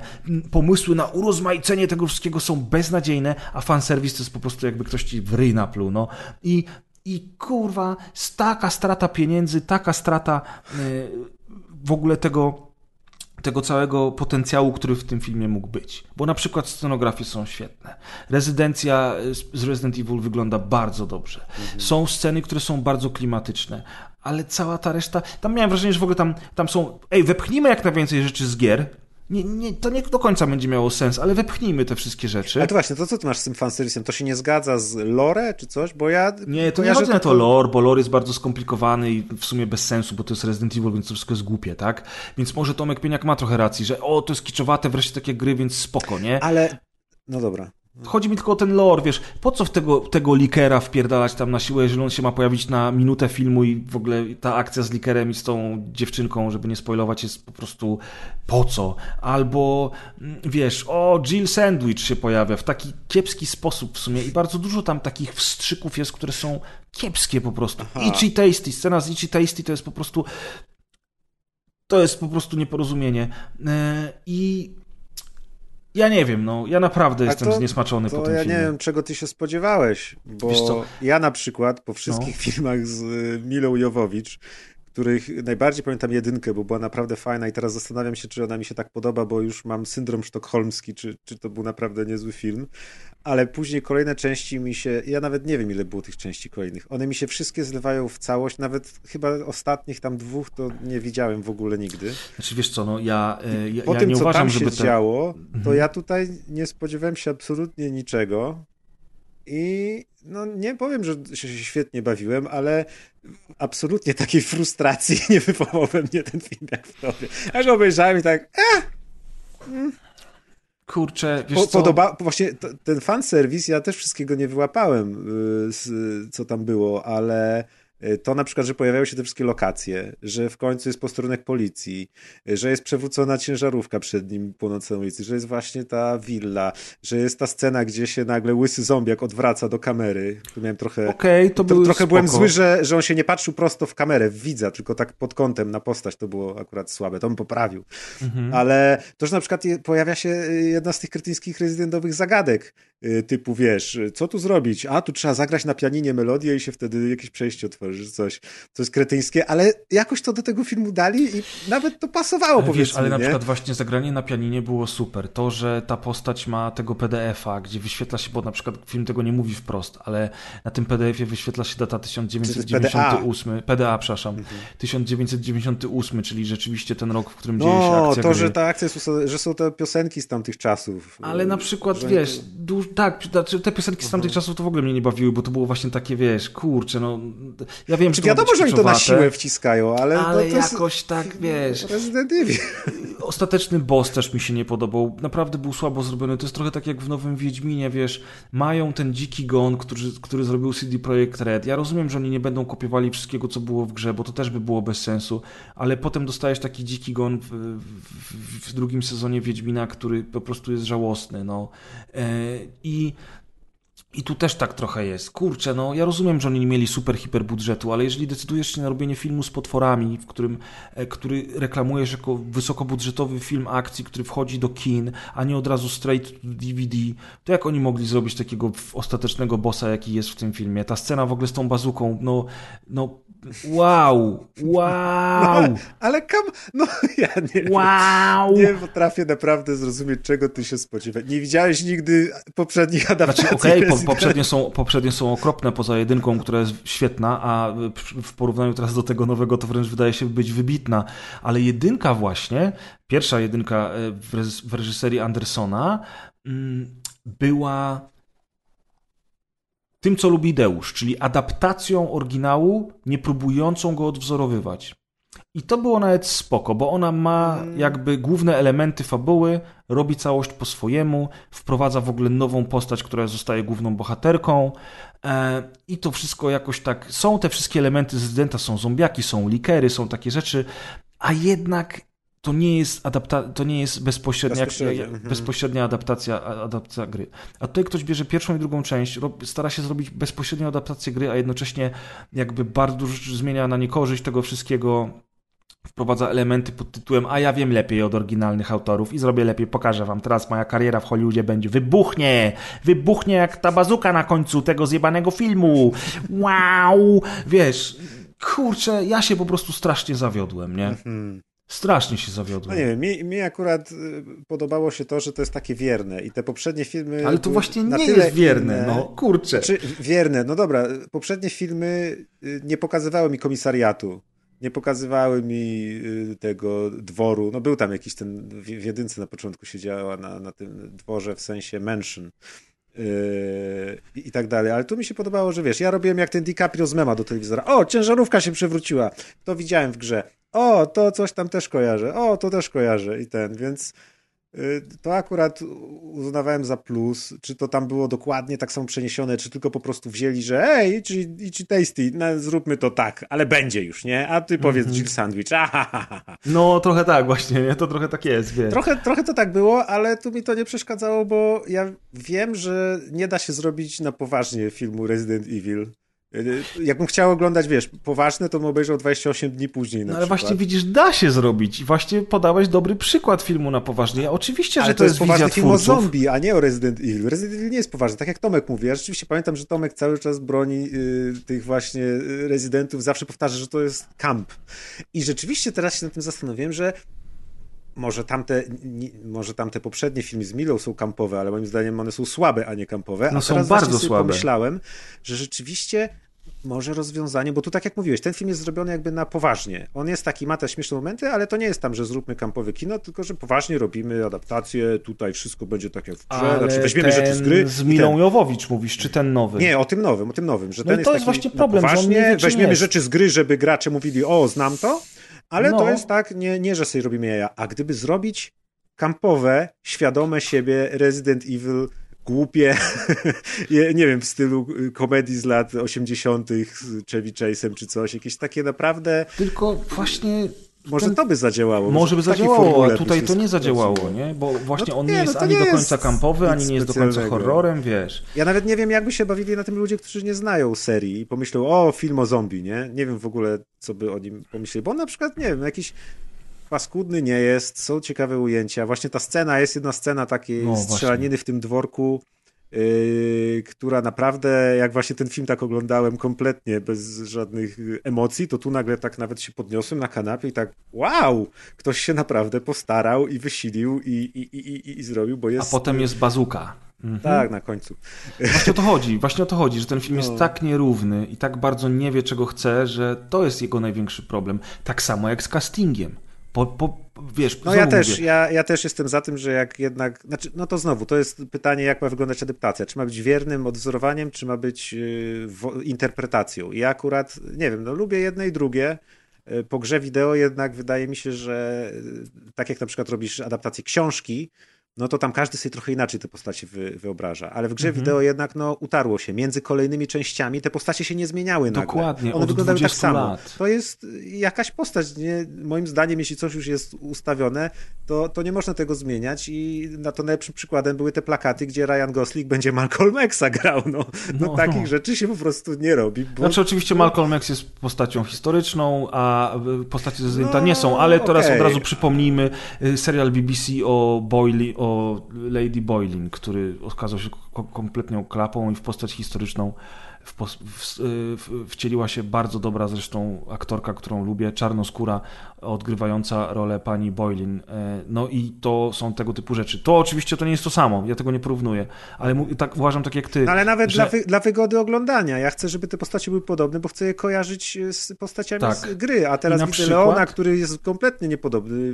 Ma inny Jest- kolor skóry, inne włosy. Inny charakter w ogóle, wiesz. Charakter też, no też, ale no...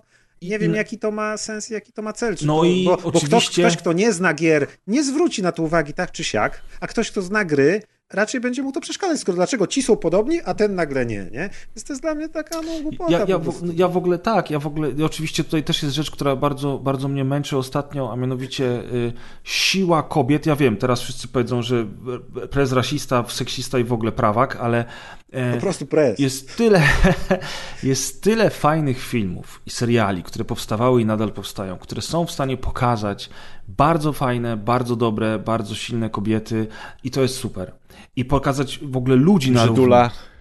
Niania. Też również. I pokazać, i pokazać, i pokazać ludzi na równi. TVN górą, tak którzy są... Super. Female Wolny power. TVN, wolne media. Moc jest kobietą. Właśnie, którzy są na równi po prostu fajnymi postaciami. A tutaj ktoś wpadł na świetny pomysł. Wiecie, co zrobimy, żeby wesprzeć teraz e, kobiety? W ogóle, e, jak się nazywa siostra Chrisa Redfielda? Claire. Claire Redfield. Claire będzie zajebista, chociaż nie ma żadnego backgroundu, nie ma żadnego przeszkolenia, a Leon, policjant, będzie totalną pizdą. I zobaczcie, jak to fajnie wygląda, jak ona uratuje dupę. Co więcej, ona uratuje dupę też tamtemu i temu i ta druga Jill też w ogóle jest super, bo jest, tylko też znowu jakby nie ma za dużo wspólnego z oryginalną postacią. I I masz takie, kurwa, czemu musimy w taki łopatologiczny sposób robić tego typu rzeczy? I wiesz co? Zastanawiałem się nad tym wczoraj. Gdzie leży problem?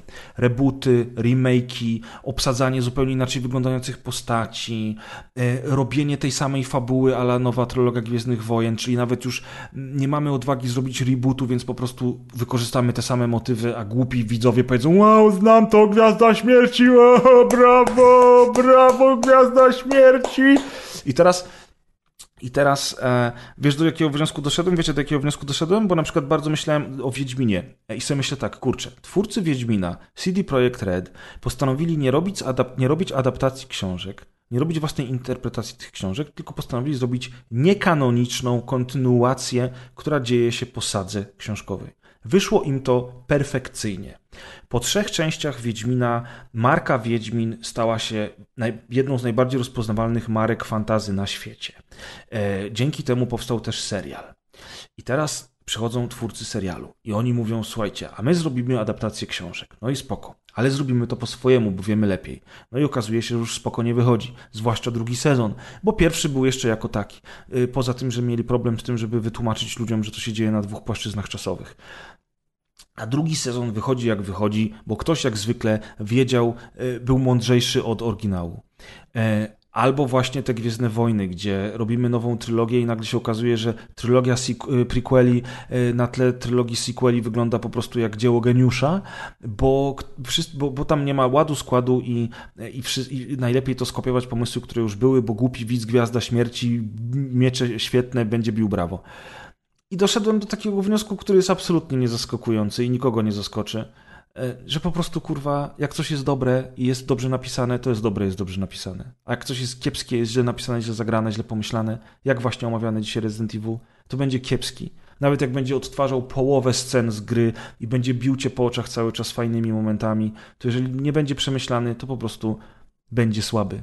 Tak samo jak słaby jest niestety drugi sezon Wiedźmina. E, I to się chyba nigdy nie skończy, my już z tym zostaniemy, bo y, jeżeli jest marka, która przynosi pieniądze, to zawsze producenci będą tę markę doić.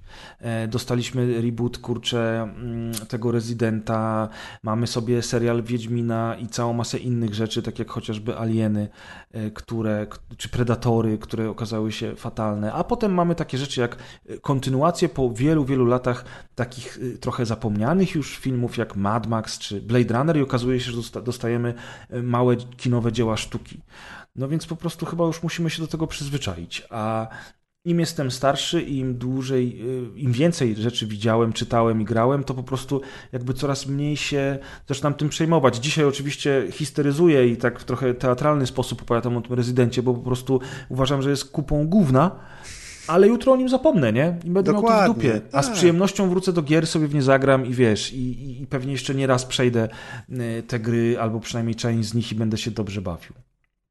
Co ty myślisz, Amadeuszu, na sztyfanie adaptacji interpretacyjnych? Eee, zupełnie się z wami nie zgadzam. Ja uważam, nie, że... nie, słuchał nas. Ale daj mu Czemu? uzasadnić chociaż. Nie, no mów. Czemu? No, no, no, no, no, no nie, no śmieję się, no mów, no. To, to, może, to może z Maćkiem się bardziej nie zgadzam, bo ja uważam, że w ogóle jakby postacie, które są w jednym medium, zupełnie ich nie musimy przynosić do drugiego medium w takiej formie, w jakiej są, nawet jeśli zmieniamy im cechy charakteru, aparycje, wygląd, yy, relacje do innych postaci. Nie przejmuj się Maciek, czyli... to lewak jest. Czyli jak najbardziej uważam, że super są adaptacje, które totalnie zmieniają wizję pierwowzoru. Jakby nie mam w ogóle z tym No właśnie, to jest, to jest takie podejście, bo ja, ja Dla mnie adaptacjami nawet są rzeczy, które tylko poszczególne motywy biorą y, z pierwotnych dzieł, mhm. a całą resztę zmieniają, także... No właśnie, bo to nie jest zero-jedynkowe, nie? To jest skala. Odtwarzasz jeden do jednego versus tylko bierzesz na, na drugim końcu skali zbierzesz tylko jakiś Albo bierzesz jakiś motyw, albo mhm. parę bohaterów. No jakby mhm. zupełnie zupełnie nie mam z tym problemu. Szczególnie, że no, film, książka, komiks, gra to są zupełnie inne media, zupełnie innymi e, narzędziami operują, więc e, ale zobacz, często ale... adaptujemy rzeczy, które Aha. powstały w różnych epokach więc, więc tak naprawdę mamy, moż, można to zupełnie, można to ugryźć same, same medium, no przecież filmy nie wyglądają, filmy się też rozwijają i zupełnie inaczej wyglądają No- filmy no tak. e, zrealizowane 15 lat temu, a teraz, więc tak naprawdę nawet jak adaptujemy, można, tak naprawdę możemy sobie, tak jak kręcimy remake'i filmów, tak? To już, to, już, to, już, to już zupełnie inaczej możemy przetworzyć przez tą historię, która się wydarzyła, przez to, jak wygląda świat teraz, więc te adaptacje e, i interpretacje, ja uważam, że, że, że, że, twórcy powinni mieć komplet, powinni mieć, no mają kompletną wolność, żeby to robić, ale, ale, ale w ogóle nie jestem, nie stoję na straży, nie stoję na straży mojego bohatera, moich relacji, tego jak wygląda dana postać, kim ona jest i tego, czy Yennefer musi być e, suką i musi być super przepotężną czarodziejką, czy wygląda jak nastolatka, zupełnie zupełnie nie mam do tego jakiegokolwiek uprzedzenia i zawsze siadam Mhm. jak do zupełnie nowej historii. No, ja tu jedyne co, to nie jestem pewien, czy jakby usprawiedliwieniem dla zmian jest to, że to są inne media. Bo to, że to jest inne medium i na przykład właśnie y, film w inny sposób pokazuje y, rzeczywistość swoją, czy historię niż gra wideo, czy komiks, może bardziej, bo to jest bardziej różne medium, to, to nie jest dla mnie akurat usprawiedliwienie, że wiesz, możemy sobie to zmienić, bo w filmie to będzie lepiej wyglądać. Team Maciek jednak mimo wszystko, chociaż I- Deusz i- nas trochę ładnie wyjaśnił, ale Czy nie, no bo to rzeczywiście, jeśli, jeśli nie stawiamy tej sprawy zero-jedynkowa, nie stawiamy, bo się jej nie da i możemy mieć właśnie od idealnego odwzorowania po luźne nawiązanie, to tak naprawdę nie da się tego określić. To jest szara strefa i tylko właśnie kiedy już ktoś zrobi film, no to ktoś inny go obejrzy i musi stwierdzić, że ten film jest tutaj na tej skali podobieństwa, nie? A ten jest tutaj, ten jest bliżej, a ten jest dalej. I okej, ja E, też nie zabraniam, bo rozumiem to, bo też teraz Znaczy, oczywiście nie przypomnę sobie, ale widziałem gdzieś tam parę rzeczy, które były adaptacjami i podobało mi się to, że to jest wow, kompletnie świeże spojrzenie i fajne i, i ten. ogólnie, ogólnie e, e, do takich adaptacji czy interpretacji e, my w medium growym, czy nawet w filmowym bardziej, ale powiedzmy w growo-filmowo-książkowym nie jesteśmy tak przyzwyczajeni, ale no przecież w teatrze to jest standard. No Przecież właśnie, Tak naprawdę w teatrze wystawiamy sztuki od dziesiątek lat, no na przykład chociażby Polskie Dziady, które po prostu już miały tyle interpretacji, które y, y, na dziady w teatrze polskim, te, które były przed trzech lat współczesne, to myślę, że jakby ktoś nie y, nawet czytał dziady w szkole i poszedł na te dziady, to by nawet nie wiedział, że był na dziadach. Jakby No. mu nie powiedzieć, na co wchodzi. Dokładnie. e, na to mnie, zawsze, sztukę, to bo- mnie zawsze w teatrze zastanawiało, bo ja jestem bardzo mało teatralny i właśnie ostatni raz to pewnie gdzieś w szkole byłem, ale zawsze mnie to zastanawiało, że dlaczego, bo ktoś mówi, że świetna wersja na przykład odpowiada dzisiejszym czasom i, i porusza jakieś tam podobne rzeczy i myślę, to jak ktoś kiedyś zrobił dziady, jakiś tam typ, i, i, i wymyślił konkretne postacie, konkretnie ich y, opisał w konkretnych sytuacjach i to była jego y, wizja, jego dzieło. I potem ktoś zrobi trochę inne, ten zrobi trochę inne i to są cały czas dziady. I sobie myślę z drugiej strony, jak to są cały czas dziady, skoro to jest w ogóle, wiesz, piąta woda po kisielu, nie? I Tak, może, no to- może to, to- powinno to być teatr- dziady według kogoś. Dziady według kogoś, żeby to Tak. też rozróżnić. Bo właśnie w teatrze kompletnie nie kumałem, jak to grają i nie, i wiesz, jedno jest pokazane w czasach y, średniowiecznych, a potem ktoś zrobił to samo w przyszłości. Mówię, no jak? I to jeszcze, żeby to była ta sama historia, ona jest trochę inna, bo jest dostosowana do innych czasów, ciekawa interpretacja. Mówię, no to to nie jest to samo, nie? Tak, no y, to tak jak byłem, y, bo teatr jest taki najbardziej plastyczny. Widziałem e, e, Magnolię w, we wrocławskim teatrze współczesnym, która jest e, sztuką opartą na tym filmie Magnolia. Mhm. E, No i tak naprawdę, żebym wcześniej sobie nie obejrzał, e, żebym sobie wcześniej nie obejrzał filmu i żeby się nie powtarzały, powiedzmy, nazwy, które się powtarzają, po- czy, czy bohaterowie, to tak naprawdę są wzięte same motywy i, i, i sami bohaterowie i ich problemy, a cała, a, a cała sztuka jest. A cała sztuka jest w ogóle obudowana zupełnie czymś innym, nie? Więc, więc wzięcie już Magnolii, nie? Andersona, to już, to już jest, to już sama Magnolia już była taka, dawała pole do interpretacji, a tutaj jeszcze mamy w, ujęciu teatralnym też została w ogóle przez, przez taki e, polski vibe, polskie poletko przeciągnięta i ma taki polski sznyt i, i też i, i, i, też w taki e, zaadaptowana na współczesną sztukę teatralną, zresztą przez e, w reżyserii e, Krzysztofa Skoniecznego, czyli reżysera Ślepnąc świateł. Mhm. E, więc e, możecie sobie wyobrazić mniej więcej, e, co tam, co tam temu reżyserowi siedzi w głowie. Więc mówię, teatr jest taki najbardziej plastyczny, a my się trochę jeszcze w, powiedzmy, w medium filmowo-książkowo-growym, czy takim bardziej no popkulturowym, tak? Bardziej popkulturowym jeszcze do takich, do, do, do tej plastyki interpretacji nie jesteśmy przyzwyczajeni, a tak naprawdę to się dzieje od dziesiątek, jak nie od setek lat. Więc, y, więc wydaje mi się, że tro, troszkę czasami powinniśmy mieć świeższe głowy, a wydaje mi się, że twórcy się trochę ograniczają, albo osoby, które wypłacają twórcom, albo fundują pewne dzieła, są jednak zakładnikami fandomów, y, dyskusji w internecie, mm.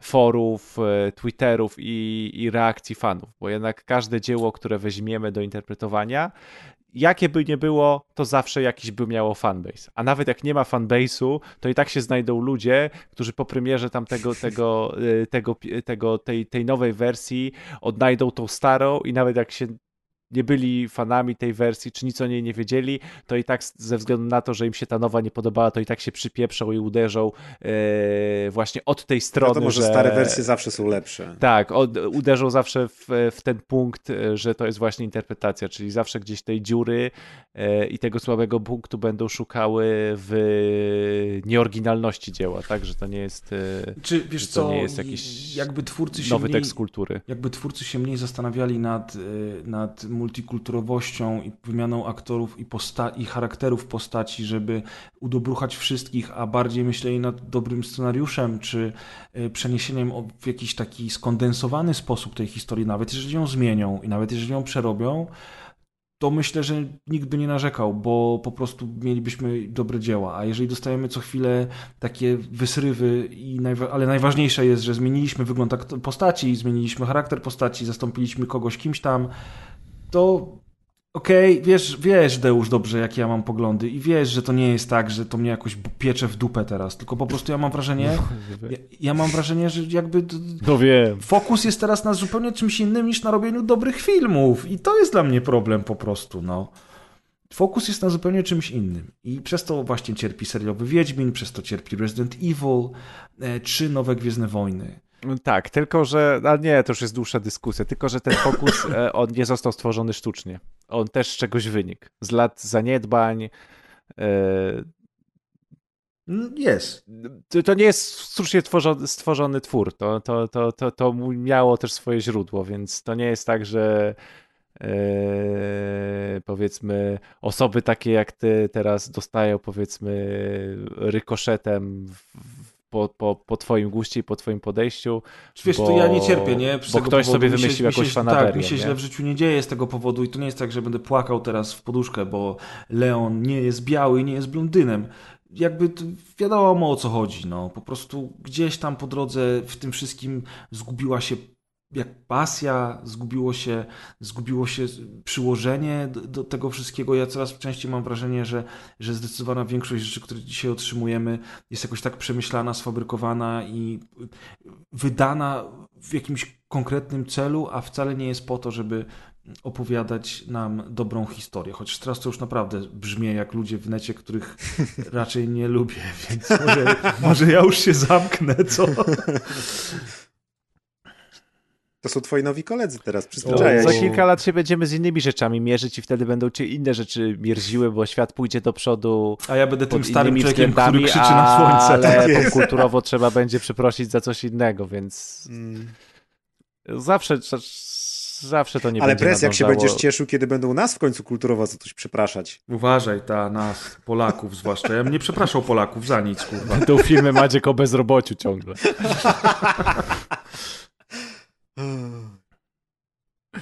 No, czyli polecamy wszystko generalnie. Tak, tak, generalnie w nowym roku oglądajcie sobie co chcecie, ale nie warto. Wszystkiego tak, najlepszego. I tak wszyscy umrzemy.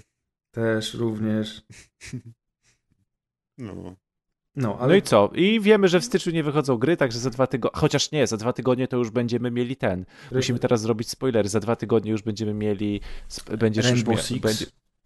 Będzie Rainbow Six właśnie będzie. God of War. God of War będziesz ty grał, misiaczku, i być może, być może będzie Ready or Not, ale chyba nie, mm, bo chyba, chyba nas olali. I może jeszcze jakiś indyk, o którym nie wiemy po drodze Może wpadnie. ostatnio w parę rzeczy wpadło do mm, Game Passa. Ach, bo do Game Passa wchodzi ta gra, w której się robi zdjęcia pupą psom. Eee, ale nie wiem, kiedy ona wpada, czy jeszcze przed przyszłym odcinkiem, ale Słyszałem Maćka właśnie, jak Maciek wzdechnął właśnie. Maciek, ty będziesz recenzował? Tak. Razem z Kazem. Ja, mam, ja tylko kota mam. Ma piękną dupę. Mogę ci przesłać zdjęcie, jak chcesz. To, to, to Amadeuszowi, Amadeuszowi. On lubi takie rzeczy. No nic, słuchajcie, wszystko już wiecie. E, Na pewno będziemy, jak zawsze, od zawsze, w tym samym składzie na kolejnym odcinku. Jak dobrze obliczyłem, to w maju będziemy mieć 256 odcinek. A czemu o nim mówimy teraz? No bo 256, 256. IT. To jest A. y, ten. Nie chciałem powiedzieć rocznica. Nie rocznica, tylko co my mamy? Jubileusz. Tak, jubileuszowy odcinek. Dziękuję bardzo. No tak, ale faktycznie po drodze będzie faktyczny jubileusz, 250 odcinków to już nie byle co, więc postaramy się jakoś go ciekawie zorganizować. Czyli Staramy się nagrać wiele więcej. No, pewnie nic, pewnie nic nie zrobimy ciekawego na ten 250, bo nam się nie będzie chciało. Nie no, żartuję, postaramy się coś fajnego zrobić, na przykład zlikwidujemy podcast. No, Właśnie to chyba nie załapałeś, o to mi chodzi, że po 250 postaramy się nagrać wiele więcej odcinków. no, no. No tak, no tak. To jest nasz plan pięcioletni. Który się kończy za 3, 2 i 1. Dokładnie. No, to trzymajcie się, dziękujemy i do następnego. Na razie. Elo.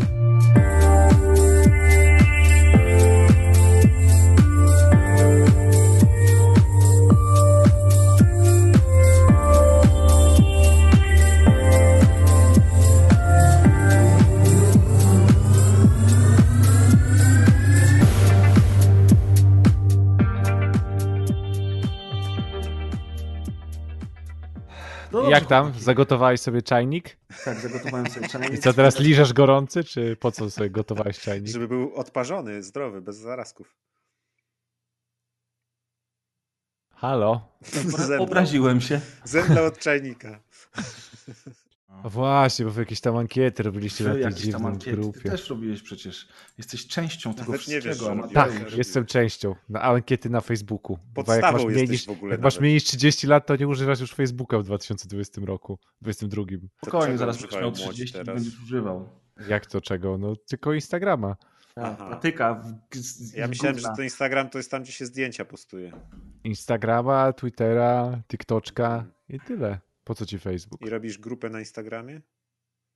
Ale do czego grupę? Żeby A, do gadania. On tak tylko, wiesz, on tak tylko wymyśla, y, czego młodzi używają, bo on nie ma kurwa czasu, żeby tego On używać. nie wie, czego młodzi No. używają. Y, Jakbyś był młody po, poniżej 30. No, ja jestem poniżej cały czas. No tak, no. Wiemy. Trzymam się, trzymam się mocno. Y, Co to jest Lex Czarnek i czemu Sejm uchwalił nowelizację prawa oświatowego? A to jest w newsach? Tak, to jest w newsach. Eee, Nie jest. Że, ale jest serious, serious business się teraz pytasz, czy? Tak. Ja bo miałem taki Eee. tydzień, że ja nic nie wiem, stary. Eee,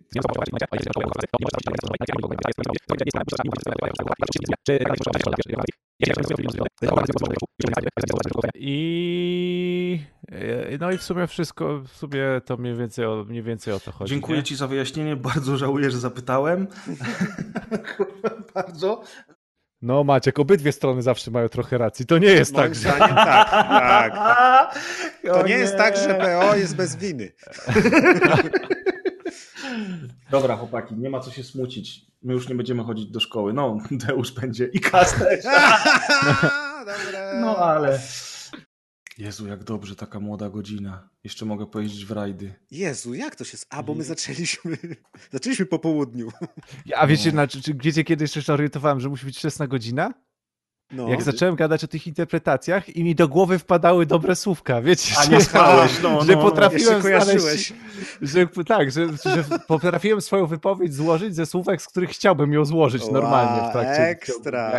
Ja, ja pierdolę, o co chodzi? Czemu ja tak składnie Jestem mówię mądry, kurwa. Patronami montażu są Łódzki Dom Kultury.